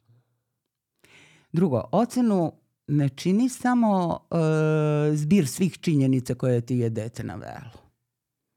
Tu ocenu čini i motivacija za rad. Aj mi je izmeri. Uh, tu ocenu čini uh, njegov odnos prema radu. Možda mi je domaći uradio neko drugi. Imali smo to situaciju u online ovim gde su roditelji odgovarali na pitanja i svašta nešto. Ovaj, Tako da, a sa strane učitelja, a danas treba da ih pitam još 20 njih, treba da uradim još to, još to, još to, još to, ajde brže, ajde brže, ajde brže, ajde, ne gnjavi, govori, ma ti to nisi naučio, evo ti trojka. Ili, imala sam neku ružnu situaciju, danas nisam raspoložena da pitam, a moram da te pitam. uh, jako je subjektivna stvar ocena. A mnogo važna i mnogo bitna. Jer uh, na osnovu tih ocena vi se upisujete u srednju školu. Pored onog prijemnog ispita. Jer vi ako imate dobre ocene, pa ok, i ako na prijemnom nešto ne uradiš kako treba, ti imaš sve petice. Druga stvar, uh, sve češće nekako bar u ovoj online, e, dok je bila nastava zbog korone, e, nekako smo tražili opravdanja za tu decu. Ej, pa nisu. Što jeste okej. Okay. Ta deca nisu prisustvovala nastavi, uče sama, koliko su uspeli da se snađu, koliko su osposobljeni da uče sami ili bilo šta drugo. Tako da nekako se primećuje da stalno raste taj broj odličnih i vrlo dobrih. A znanje nam nije baš tako. Znači čak i to reproduktivno znanje uh, koje meni ide na nerve, znači jer mi funkcionalnog znanja nemamo. Ti završiš fakultet i sad treba da uđeš u učionicu. Pa tebi je potrebna pomoć. Ti moraš da rešiš situaciju u učionici. Ti moraš da smiriš 30 malih kamikaza koja svaka ima svoju neku ideju i koja će e, želeti da tog trenutka ne budeš dominantan ti kao učitelj, nego da budem dominantan ja sa svojom idejom, sa svojom glupošću koju ću da e, prezentujem nekom drugom. Tako da te ocene su po meni subjektivna stvar. Tu postoji i ono što sam već pomenula, Bog zna za pet, ja za četiri, a ti ne znaš za više od tri. Ja sam sad neki veliki profesor kod kojeg moraju svi sve da znaju. Mislim, i dan danas imate takve profesore. I s druge strane imate ljude koji uspevaju da se izbore sa profesorima koji drže do sebe. ej, kod mene ćeš morati da znaš to, to, to, to, to i to. Ko si bre ti? Ajmo bajo. Nedavno je bila situacija u petoj, šestoj Beogradskoj gimnaziji profesora matematike Mika Ubica, ne znam već kako su ga zvali. Zašto? Zato što je čovjek samo držao do sebe. Pa su se pojavili različiti komentari. Ej, on me naučio matematiku, a ovaj drugi kaže, ja, on je kod mene ubio svu volju i želju za matematiku. E sad, koliko su i učitelji e, sposobni da izbalansiraju to i jedno i drugo i da uz sve to budu jako realni. Postoje tamo ishodi e, dati za svaku određenu nastavnu oblast, šta moraju da znaju, koliko moraju da znaju, zašto moraju da znaju. Sve ima svoje. I zašto, i kako, i koliko. Uh, jako je teško izbalansirati sve to, ali su ocene jako bitne. Prvo, bitne su deci, jer kad te neko pita, je, kakav si džak? Pa nemam sve petice. Znači, to je danas najstrašnija stvar. Druga stvar, jako je bitna uh, ocena roditelju. Jer je ta ocena njemu signal, aha, ne znam matematiku, tr kod privatnog učitelja, vodi ga na časove matematike. Uh, razumeš o čemu ti pričam? Znači, uh, makoliko se ljudi uh, krili iza onog panoa, uh, meni ocene nisu važne, meni je bitno znanje, koje bre znanje? Ko si ti da procenjuješ koliko tvoje dete zna? Znaš, jer ti nemaš uh, sliku kao roditelj koliko znaju ostali. Ti znaš koliko zna tvoje dete. Ali ti nisi u učionici da bi mogao da uporediš šta znaju ostali. A učitelj jeste. Učitelj je taj koji vidi koliko znaju ostali pa procenjuje pa uvek uh, učitelji uvek daju 130% sadržaja da bi deca upamtila pola od toga, pa je to opet dobro, 65%. Razumeš? A ako mu daju 80% sadržaja, pa on nauči pola, to je svega 40, e, to već, znaš, za neku dvojku ti je potrebno 50% da zna činjenica ovoga, onoga, pa što je ovo izbodovalo ovako, pa što je ono izbodovalo onako. Ne, postoji neko ko je pametniji od tih učitelja koji je pravio te programe i rekao radit ćeš to testiranje i ovako ćeš ga izbodovati. Postoje određene kontrolne vežbe. E onda roditelji pristupaju drugim stvarima, hakovanjem, snalaženjem, uzimanjem kontrolnih vežbi, pripremanjem dece i ostalim stvarima. Mislim, svi smo tu um, u vrlo nezavidnoj situaciji. Zato smatram da pored svih ovih testiranja, znači pored svih tih ocenjivanja, oni još na kraju imaju i testiranja. Vi imate malu maturu koja se polaže i koju svake 3-4 godine menjaju način polaganja. I kakve rezultate dobijamo? Dobijamo užasne rezultate. Da deca ne znaju neke osnovne stvari. Šta bi ti stavila umesto ocena ako, misliš, ako bi imala sad neku moć? Ili imaš neku u stvari ideju? Ja, ja, kad sam, ja kad sam bio prvi razred, mi smo imali ocenu od prvog. Ako sećaš, mm -hmm, ovaj, da, to da. je ovaj, bilo, a sada su poslednje onda, posle kad sam ja već izašao, već su tada krenuli sa nekim cvetićima, leptirićima, nekim tako stvarima. Znaš, a imamo, ne znam da li si upoznata sa tim, u, da li u Finskoj, uh, gde, gde školski sistem je potpuno bez ocenjivanja, gde se deca ne, ne, ne, ne neguju to neko ta, takmičarski duh kada su ocene u pitanju, već neguju to znanje kroz igru i gde o, oni kažu da postižu rezultate dobre. A, ne znam mnogo, čitala sam nešto o tom, Ili Norveška, izvini. Norveška, Finska, te zemlje Skandinavije. Skandinavije imaju sasvim drugačije sisteme ocenjivanja.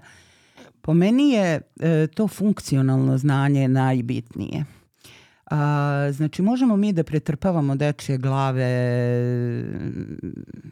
užasnom količinom činjenica, I sad koliko je neko sposoban da e, sve to spakuje u neko određeno i znanje i to.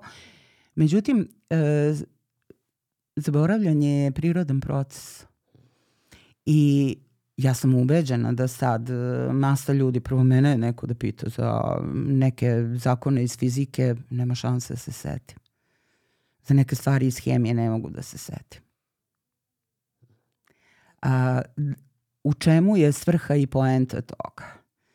A, da li je samo to bubanje, bubanje, bubanje, uh, to bubanje je u stvari i dovelo do toga da većina dece uh, nema pozitivan stav prema školi. I njihov odlazak u školu je nešto što njima pričinjava nelagodu, uh, dovodi do bežanja, do sklanjanja, do foliranja i ostalih drugih stvari. Jer uh, svakome je svoj predmet najvažniji. Matematika je najbitnija stvar u životu. Ali ne možete reći da i muzička kultura nije najbitnija stvar u životu. Ili možda to tebi najbitnija stvar u životu. Možda meni likovna kultura najbitnija stvar u životu. Razumeš? E, o tome treba uh, razgovarati. E sad, uh, menjati sistem školovanja, nemam prava i nemam ni toliko znanje, ni toliko moć da bih ja to mogla da radim. Postoje ljudi koji su pametniji od mene, ali uh, smatram da ne znam, jedno vreme smo mi imali neko ocenjivanje A, B, C u srednjim školama i šta ja znam. Uh, to je mač sa dve oštrice. Znaš, ako nema ocenjivanja, onda ma šta ima to da učim? Razumeš, plašim se toga. Uh, negde smatram da su te ocene neadekvatne, jer se pojavljuje uh, enormno veliki broj odličnih đaka koji nemaju nikakvo znanje u srednjim školama. To će profesori srednjih škola, gimnazije i ostalih pozovi jednog od e, profesora, reći će ti sve, da su im uh, iz generacije u generaciju im dolaze učenici koji nemaju određeni nivo znanja potreban za gimnaziju. A da oni ipak imaju ocene. Imaju četvorke i petice. Znaš, šta ćeš ti da upišeš? Pa dobro, ako se lomim između trojke i četvorke, pa evo ti četvorka. ajde da vidimo uh, da li uh, neke stvari mogu drugačije da se urade. Uh, kažem ti, nemam kompetencije da bih mogla da govorim o tome i uh, ja govorim samo ono što mi smeta i neke uh, stvari koje svesna sam i dobrih i loših stvari. Rekla sam ti, ovo je bumerang, mač sa da je oštric, jer ako se ne ocenjuje, šta ima da ga učim? Izborni predmet Pa to je ono što mene interesuje. I tu nema ocene. I zato se i zove izborni predmet. I ne utiče na ocene. Ali fiziku moram da sednem da naučim. Hemiju moram da sednem da naučim. Jer to ulazi u onaj prosek ocene. Ja moram da nacrtam rad iz likovnog. Ja moram da naučim da taktiram iz muzičkog. Da bih dobio određenu ocenu koja se boduje i koja uh, mi ulazi u neki skor koji uh, je bitan i važan za moje dalje školovanje.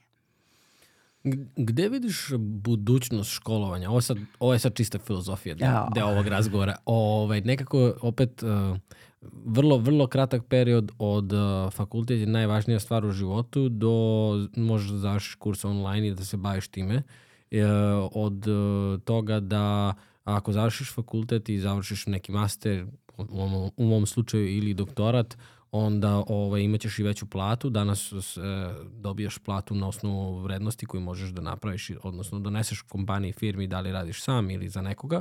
E, što mislim da je mnogo više fair nego, opet ne pričamo o svim ovaj, delatnostima i svim, svim zanimanjima, ali za neke zanimanja zaista zavisi koliko, koliko možeš da doprineseš ovaj, i da daš vrednosti. A, gde vidiš ti školovanje upravo da krenemo od, od ovog sad trenutka koje je mm, po tvojoj sad priči, nek, negde da ja gledam iz ne, neke ptičije perspektive ovu celu tu priču, deluje kao da se da propada i da se polako guši, da možda dete mog deteta neće ni ići u školu, ovaj, ali to je opet sada samo jedna, jedna, jedna perspektiva i ne, neću naivno gledati na to, ali zanima me tvoje neko fil, filozofiranje o budućnosti škole. pa dobro, ajde malo da filozofiramo. Imali smo mi situaciju prethodne dve godine kroz koronu online nastave gde su deca dolazila na različite načine u školu. Ono, od situacije da uopšte nisu išli u školu, da su sve dobijali online, pa ide jedna grupa, pa druga grupa, pa na kraju se dogodilo da ne znaju ni kad treba da idu u školu. mislim da uh, učitelj, nastavnik neće biti izostavljen. Bez obzira što, mi, što nam nauka napreduje, tehnika napreduje, bez žive reči mislim da školstvo ne može da postoji. To je zbog onog treći roditelj. Ove, ovaj, ipak smo mi samo ljudska bića. Nismo ni roboti, ni bilo šta drugo. I smatram da e, bilo koja strategija e, i napredovanja i poboljšanja i sređivanja u obrazovanju i prosveti treba da ide e, ka tome da e, edukuje ljude koji su zaista zainteresovani za to. E, svi se moraju okrenuti tome da taj posao mora biti isto tako dobro plaćen kao i posao lekara i kao posao dobrog programera ili bilo čega drugog. Uh, mislim da je i ona priča o platnim razredima negde bi imala smisla, međutim i to se sve nešto odlaže i sve nešto ide daleko. Međutim, uh, ono što uh, ja vidim u prosveti jeste da se mnogo veća pažnja mora uh, posvetiti tome da decu naučimo. Gde da pronađu informaciju, gde da pronađu pravu informaciju, kako da tu informaciju usvoje, primene činjen, činjenično stanje. Uh, imam utisak uh, da ovo reproduktivno znanje mora da se zameni time Jel tebe interesuje to? Ok, gde to možeš da pronađeš? Aha, na internetu tu, tu, tu i tu. Da e, uloga e, nauke i tehnike bude u tom smeru e, okrenuta deci. Ne ono, kupili smo vam tablet, pa sad pola radi, pola ne radi, pa sad e, šta ti možeš na tom tabletu da nađeš? E, naučiti decu nekim stvarima. Ali u sve to ajmo im smanjimo malo uh, taj broj činjenica koje oni moraju da nagruvaju i da nabubaju. Koja je svrha ako ću to da zaboravim za dva dana? Koja je svrha? Ali, da li ćeš ti zaboraviti način na koji možeš da dođeš do tih činjenica? Jel tebe interesuje kondenzacija vode?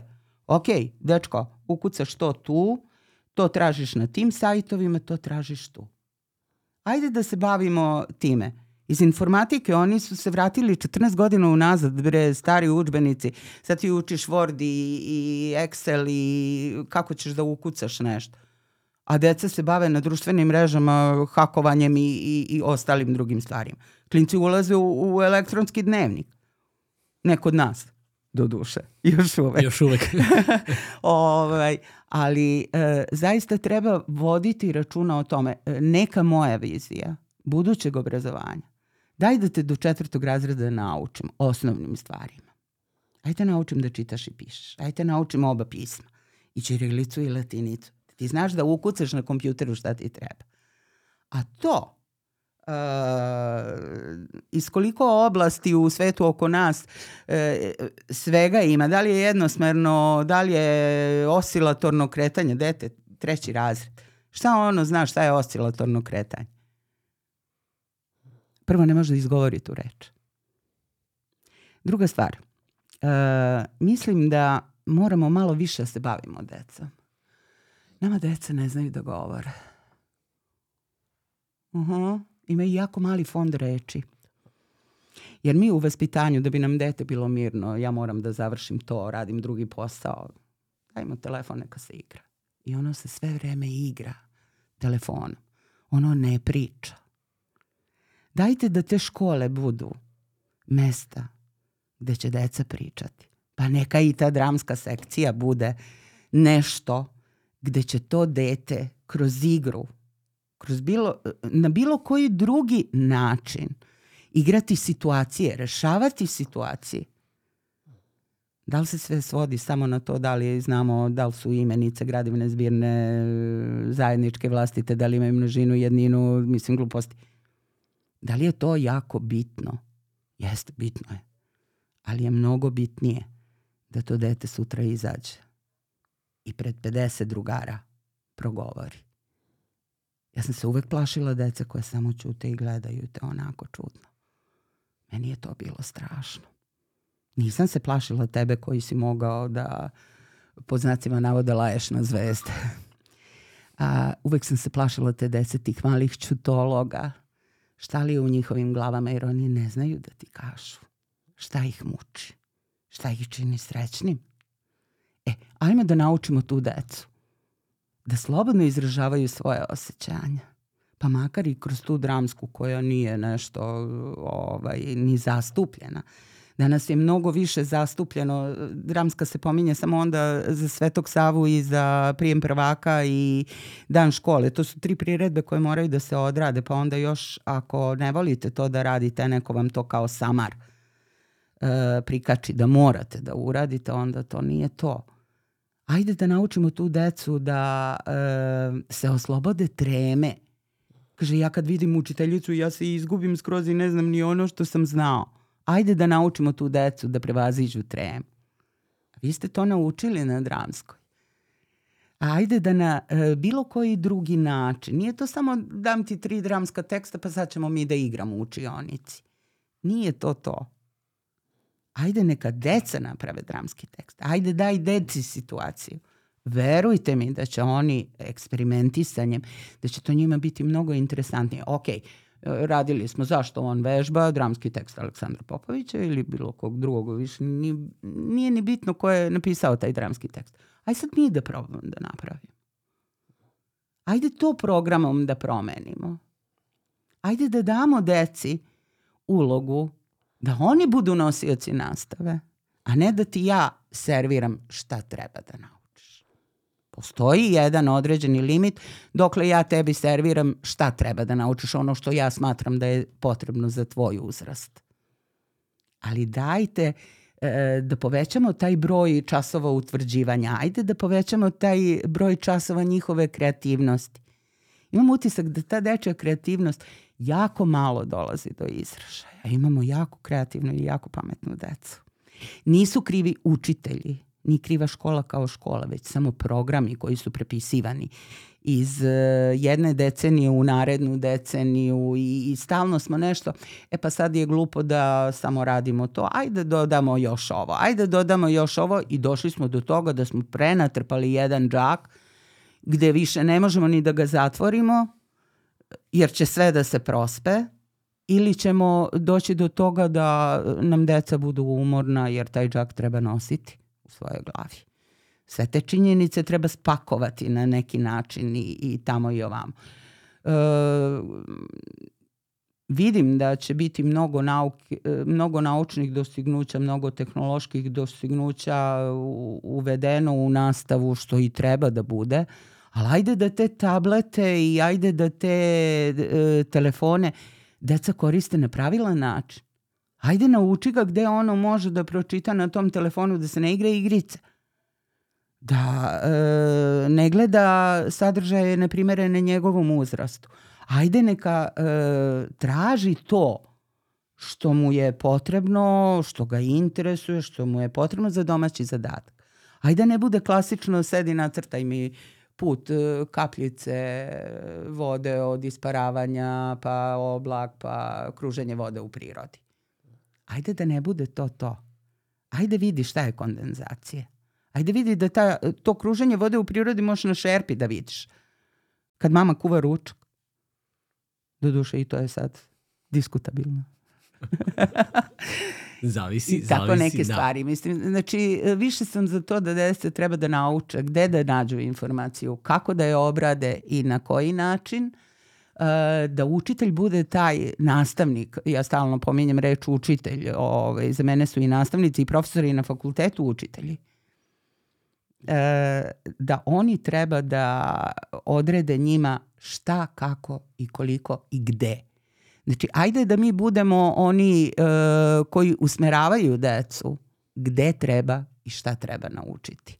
I onda ćemo doći do tog pravog funkcionalnog znanja do toga da e, ne dođete u situaciju da ne znate šta, koji fakultet ja da upiš. Pa mene interesuje i to, i to, i to, i to, i to. Da, radoznalost je jedna stvar. ali um, ono čime ćeš da se baviš, to je ono, moraš dobro da razmisliš, da li ćeš na posao ići srećan ili nesrećan. Jako je bitno. Znači, gde su tvoje interesovanja? Učitelj treba da bude taj koji će da te usmeri, koji će da prepozna tvoje interesovanja i da te usmeri na tu stranu. Jesu tvoja interesovanja ka medicini, tvoja ka medijima, e, njegova ka društvenim naukama. Hajde da to upakujemo negde tu. Jer nije samo stvar u bubanju, gruvanju, stvari koje ću da zaboravim za 4-5 dana. Znači, izađite na ulicu, pitajte ljude za prvi, drugi Newtonov zakon. Hajde da vidimo koliko će da ih zna. A to su neke osnovne stvari koje vi u osnovnoj školi morate da znate. Slažeš se? Znači, e, neko ko se ne bavi fizikom, nema potrebe da zna to i zaboravit će. Jer ga to ne interesuje. Ajde da vidimo šta je to što te interesuje, pa ok, treba da znaš nešto radi opšteg obrazovanja i iz fizike i iz hemije, ali neka to bude neki e, minimum. Ajde da te guram tamo ako si prema medijima okrenut. Ajde da naučim dobroj dikciji, ajde da te naučim e, pravilnom govoru, ajde da te naučim stilu u govoru, e, da to ne bude zbrda z dola. Da ti e, zaista i mimikom i pokretima tela i pokretima e, mišića na licu privlačiš pažnju da te naučim kako to treba da radiš. Da to postoje izuzetno pametni ljudi, izuzetno uh, edukovani ljudi koji znaju to da urade. Zato je uh, jako bitno i jako važno uh, prepoznati uh, u, toj, u tom širokom spektru radoznalosti deteta, prepoznati šta je to što tebi najviše prije i šta je to što ti najviše godi. Jer ti ne znaš tog trenutka, mali si, sve te interesuje, sve ti je bitno. Ali se slažeš da postoje deca koja su usmerena ka sportu do trećeg razreda osnovne škole. Pa deca koja su usmerena ka matematici, to ih interesuje. Imao si drugare u razredu koji su za matematiku čas posla znali da rešavaju zadatke. Imaš decu koje vole da čitaju, koje jako lepo sastavljaju. Ajmo da negujemo te njihove lepe stvari činjenica je sad tu u školi postoji literarna sekcija, matematička sekcija, ovo, ono. Često na tu matematičku sekciju ideš zato što imaš pet iz matematike. Pa neću da idem jer me to ne interesuje, ja to znam za sebe znam. Idem i od ruke mogu da uradim taj zadatak. E ti ima da ideš na takmičenje. Ne moram da idem na takmičenje ako ja ne osjećam se lepo, ako ću ja noć pred takmičenjem da ne spavam. Nemojte mučiti onda tu decu. Mm, koliko misliš da je realno uh, usmeravati decu na taj način uh, u smislu da škola iz, i deluje sistem koji je sada postavljen da uči pticu, ribu i psa da lete sa troje u isto vreme, znači preopšte je. Uh, koliko misliš da je moguće da se uh, prepozna, pogotovo u uslovima gde imaš 30 plus dece danas ili više, gde jedan učitelj uh, treba da uh, prenese svoje znanje, pritom treba da bude ovo što smo sve pričali, i roditelj, i pedagog, i sudija, i savetnik, i na kraju krajeva i drug toj deci, ovaj, jer su i ona tu ubačena i kao gde sam sada prestala igra odjednom, a ne mora tako da bude. Koliko misliš da je, da je zaista realno a, usmeriti ih? Jer pomenuli smo Jocića, pomenuli smo mm -hmm. ba, mhm. Bacu koji je bio usmeren, on je na kraju prešao, mislim, da, u matematičku. U matematičku. Ovaj, tako da je on imao neki neki put, znaš, mi koji smo bili na glumi, ja, ja, se, ja se bar ne sjećam da sam ja želeo da budem profesionalni glumac, ali ja sam tu bio jer sam uživao u tome, znaš. Da. I naravno uklopilo se dan, danas da ja ovaj, radim nešto što, što sam vežbao godinama tamo ovaj, uh, i uzimam te neke veštine koje sam tamo naučio. Ne kažem sad da se pretvarao da glumim, ali jednostavno ima toliko toga kako, što mi je pomoglo eto, ne, ne sluteći danas čime se bavim. Znaš. A kako misliš da je realno da neki profesor, odnosno učitelj, usmeri? A, znaš, rekli smo na početku, aj malo da filozofiram. Uh mhm. -huh. To bi verovatno podrazumevalo neke manje grupe gde možeš da ostvariš mnogo bolji kontakt i sa 34 dece, koliko se danas pojavljaju 31, 29. Uh, redka su odeljenja, odnosno mi spajamo odeljenja gde je 10 do 15 učenika Znači prave se kombinovano odeljenja, zatvoren je sijaset tih malih seoskih škola. A, grupe moraju da budu manje. A, sam kontakt između dece i učitelja bi onda bio drugačiji. Uh, manji broj dece podrazumeva manju administraciju, uh, mnogo bolju, uh, mnogo bolji način privlačenja njihove pažnje. Kad je njih desetoro, mnogo je manja mogućnost da neko ne sluša ono o čemu se govori. Tako da, ovaj, rekli smo na početku, znači filozofiramo, treba raditi na tome da se smanji broj dece u odeljenju. Jer e, nemoguće je da učitelj bude bog e, koji ima devet glava, devet ruku, devet nogu i devet mozgova e, da e, bukvalno poklopi sve te njihove želje, interesovanja, radoznalost i sve ostalo. E, ne mogu ja da kažem da mi nemamo dobre učitelje, mi imamo divne učitelje ovaj, i koji prepoznaju to i signaliziraju roditeljima i upućuju ih i na ovo i na ono. Mislim, e, zaista je teško komentarisati e, koji su to sve uslovi koji su potrebni.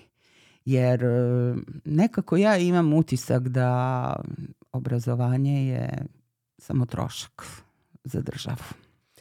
Znaš, e, onda bi to bilo mnogo skupo kad biste vi ministru, e, pretpostavljam danas spomenuli da odeljenje treba da ima upola manje, da treba da ima 10 do 15 učenika što bi bilo e, fenomenalno za rad.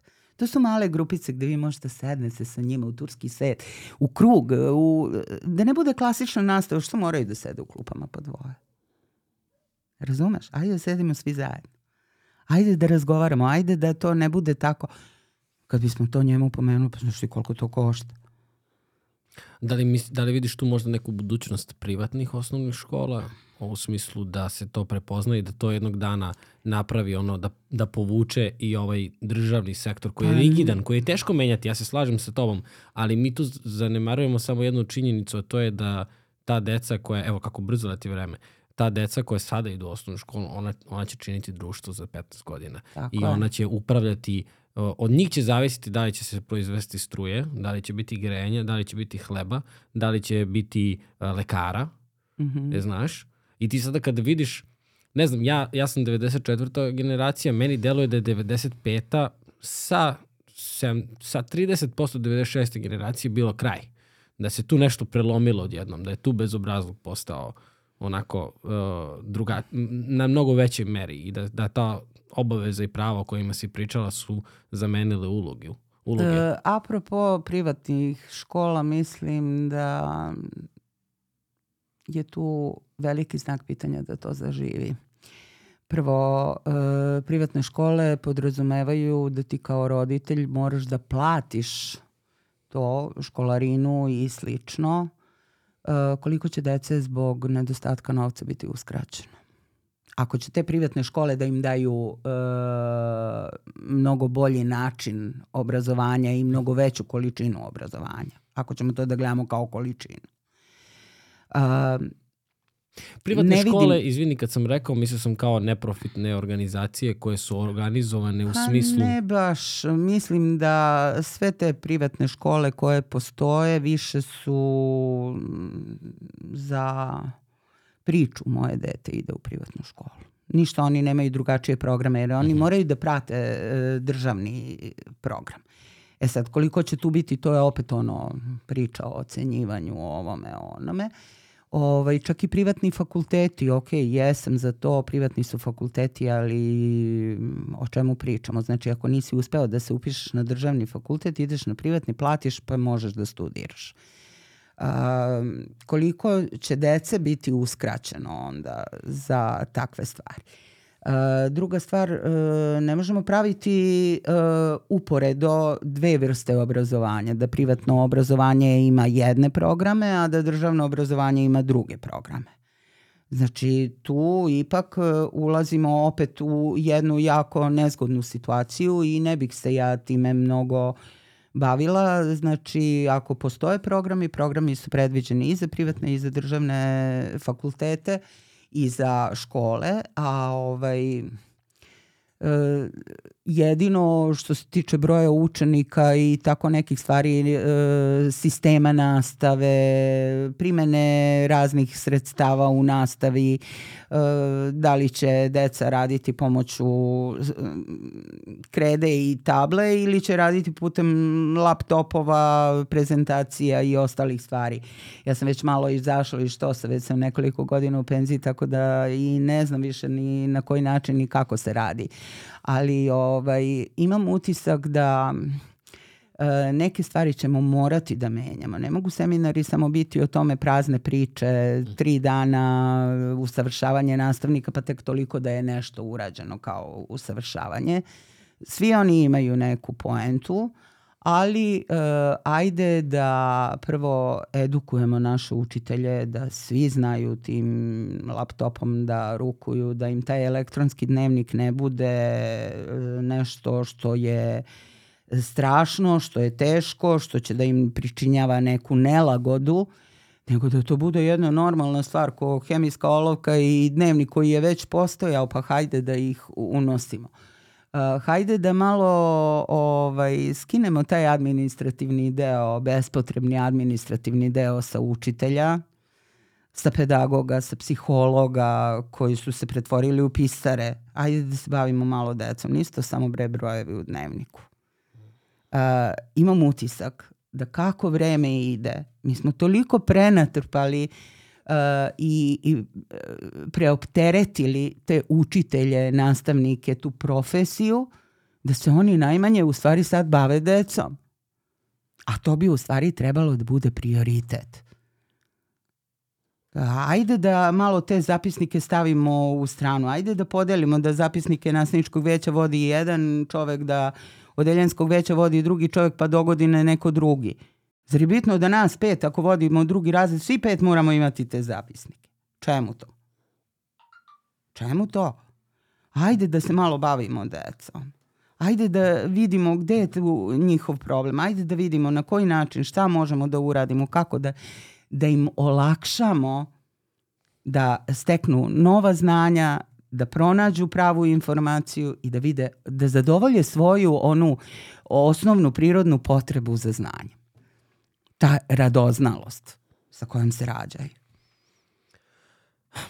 Ovim možemo da, da završimo ovaj, ovaj savet koji si dala. Lepo je bilo pričati sa tom. Lepo je bilo videti te posle pa, par... No. U poslednjih pet godina smo se videli jednom ili dva puta sreli na ulici, što sluč, igrom slučaja da ja ne živim više ovde, što zbog nekih drugih okolnosti, ali mnogo je lepo bilo sesti ovaj, i pričati sa tobom i ovaj, podsjetiti se tih nekih uh, lepih ovaj, uh, situacija iz prošlosti. Ja sam, kada sam pisao Jelici uh, da vidim da li, da li si ovaj, raspoložena za ovaj razgovor, ovaj, on, Jelica mi kaže, baš sam upravo krenula da ti pišem, a nismo se čuli godinama, baš sam upravo krenula da ti pišem, da ti pošaljem linkove nekih predstava koje smo, koje smo snimili. Pa sam onda ja budio Emu, ovaj, ona je već tad zaspala, ja je budim da vidi mene kad sam imao 8 ili 9 godina u nekoj predstavi, stojim onako, ovaj, ali zaista ovaj, a, pre svega hvala ti stvarno na svemu što si uradila, ne samo za mene, nego za celu tu grupu, što si nas onako a, vodila uh, srcem pre svega ovaj, i kroz te predstave i objašnjavala nam neke, neke životne lekcije koje možda u nekim trenucima nismo ni znali šta pričaš, ali onda prepoznajemo ih kroz, kroz život i dalje. Prepoznaćete ih tek sad.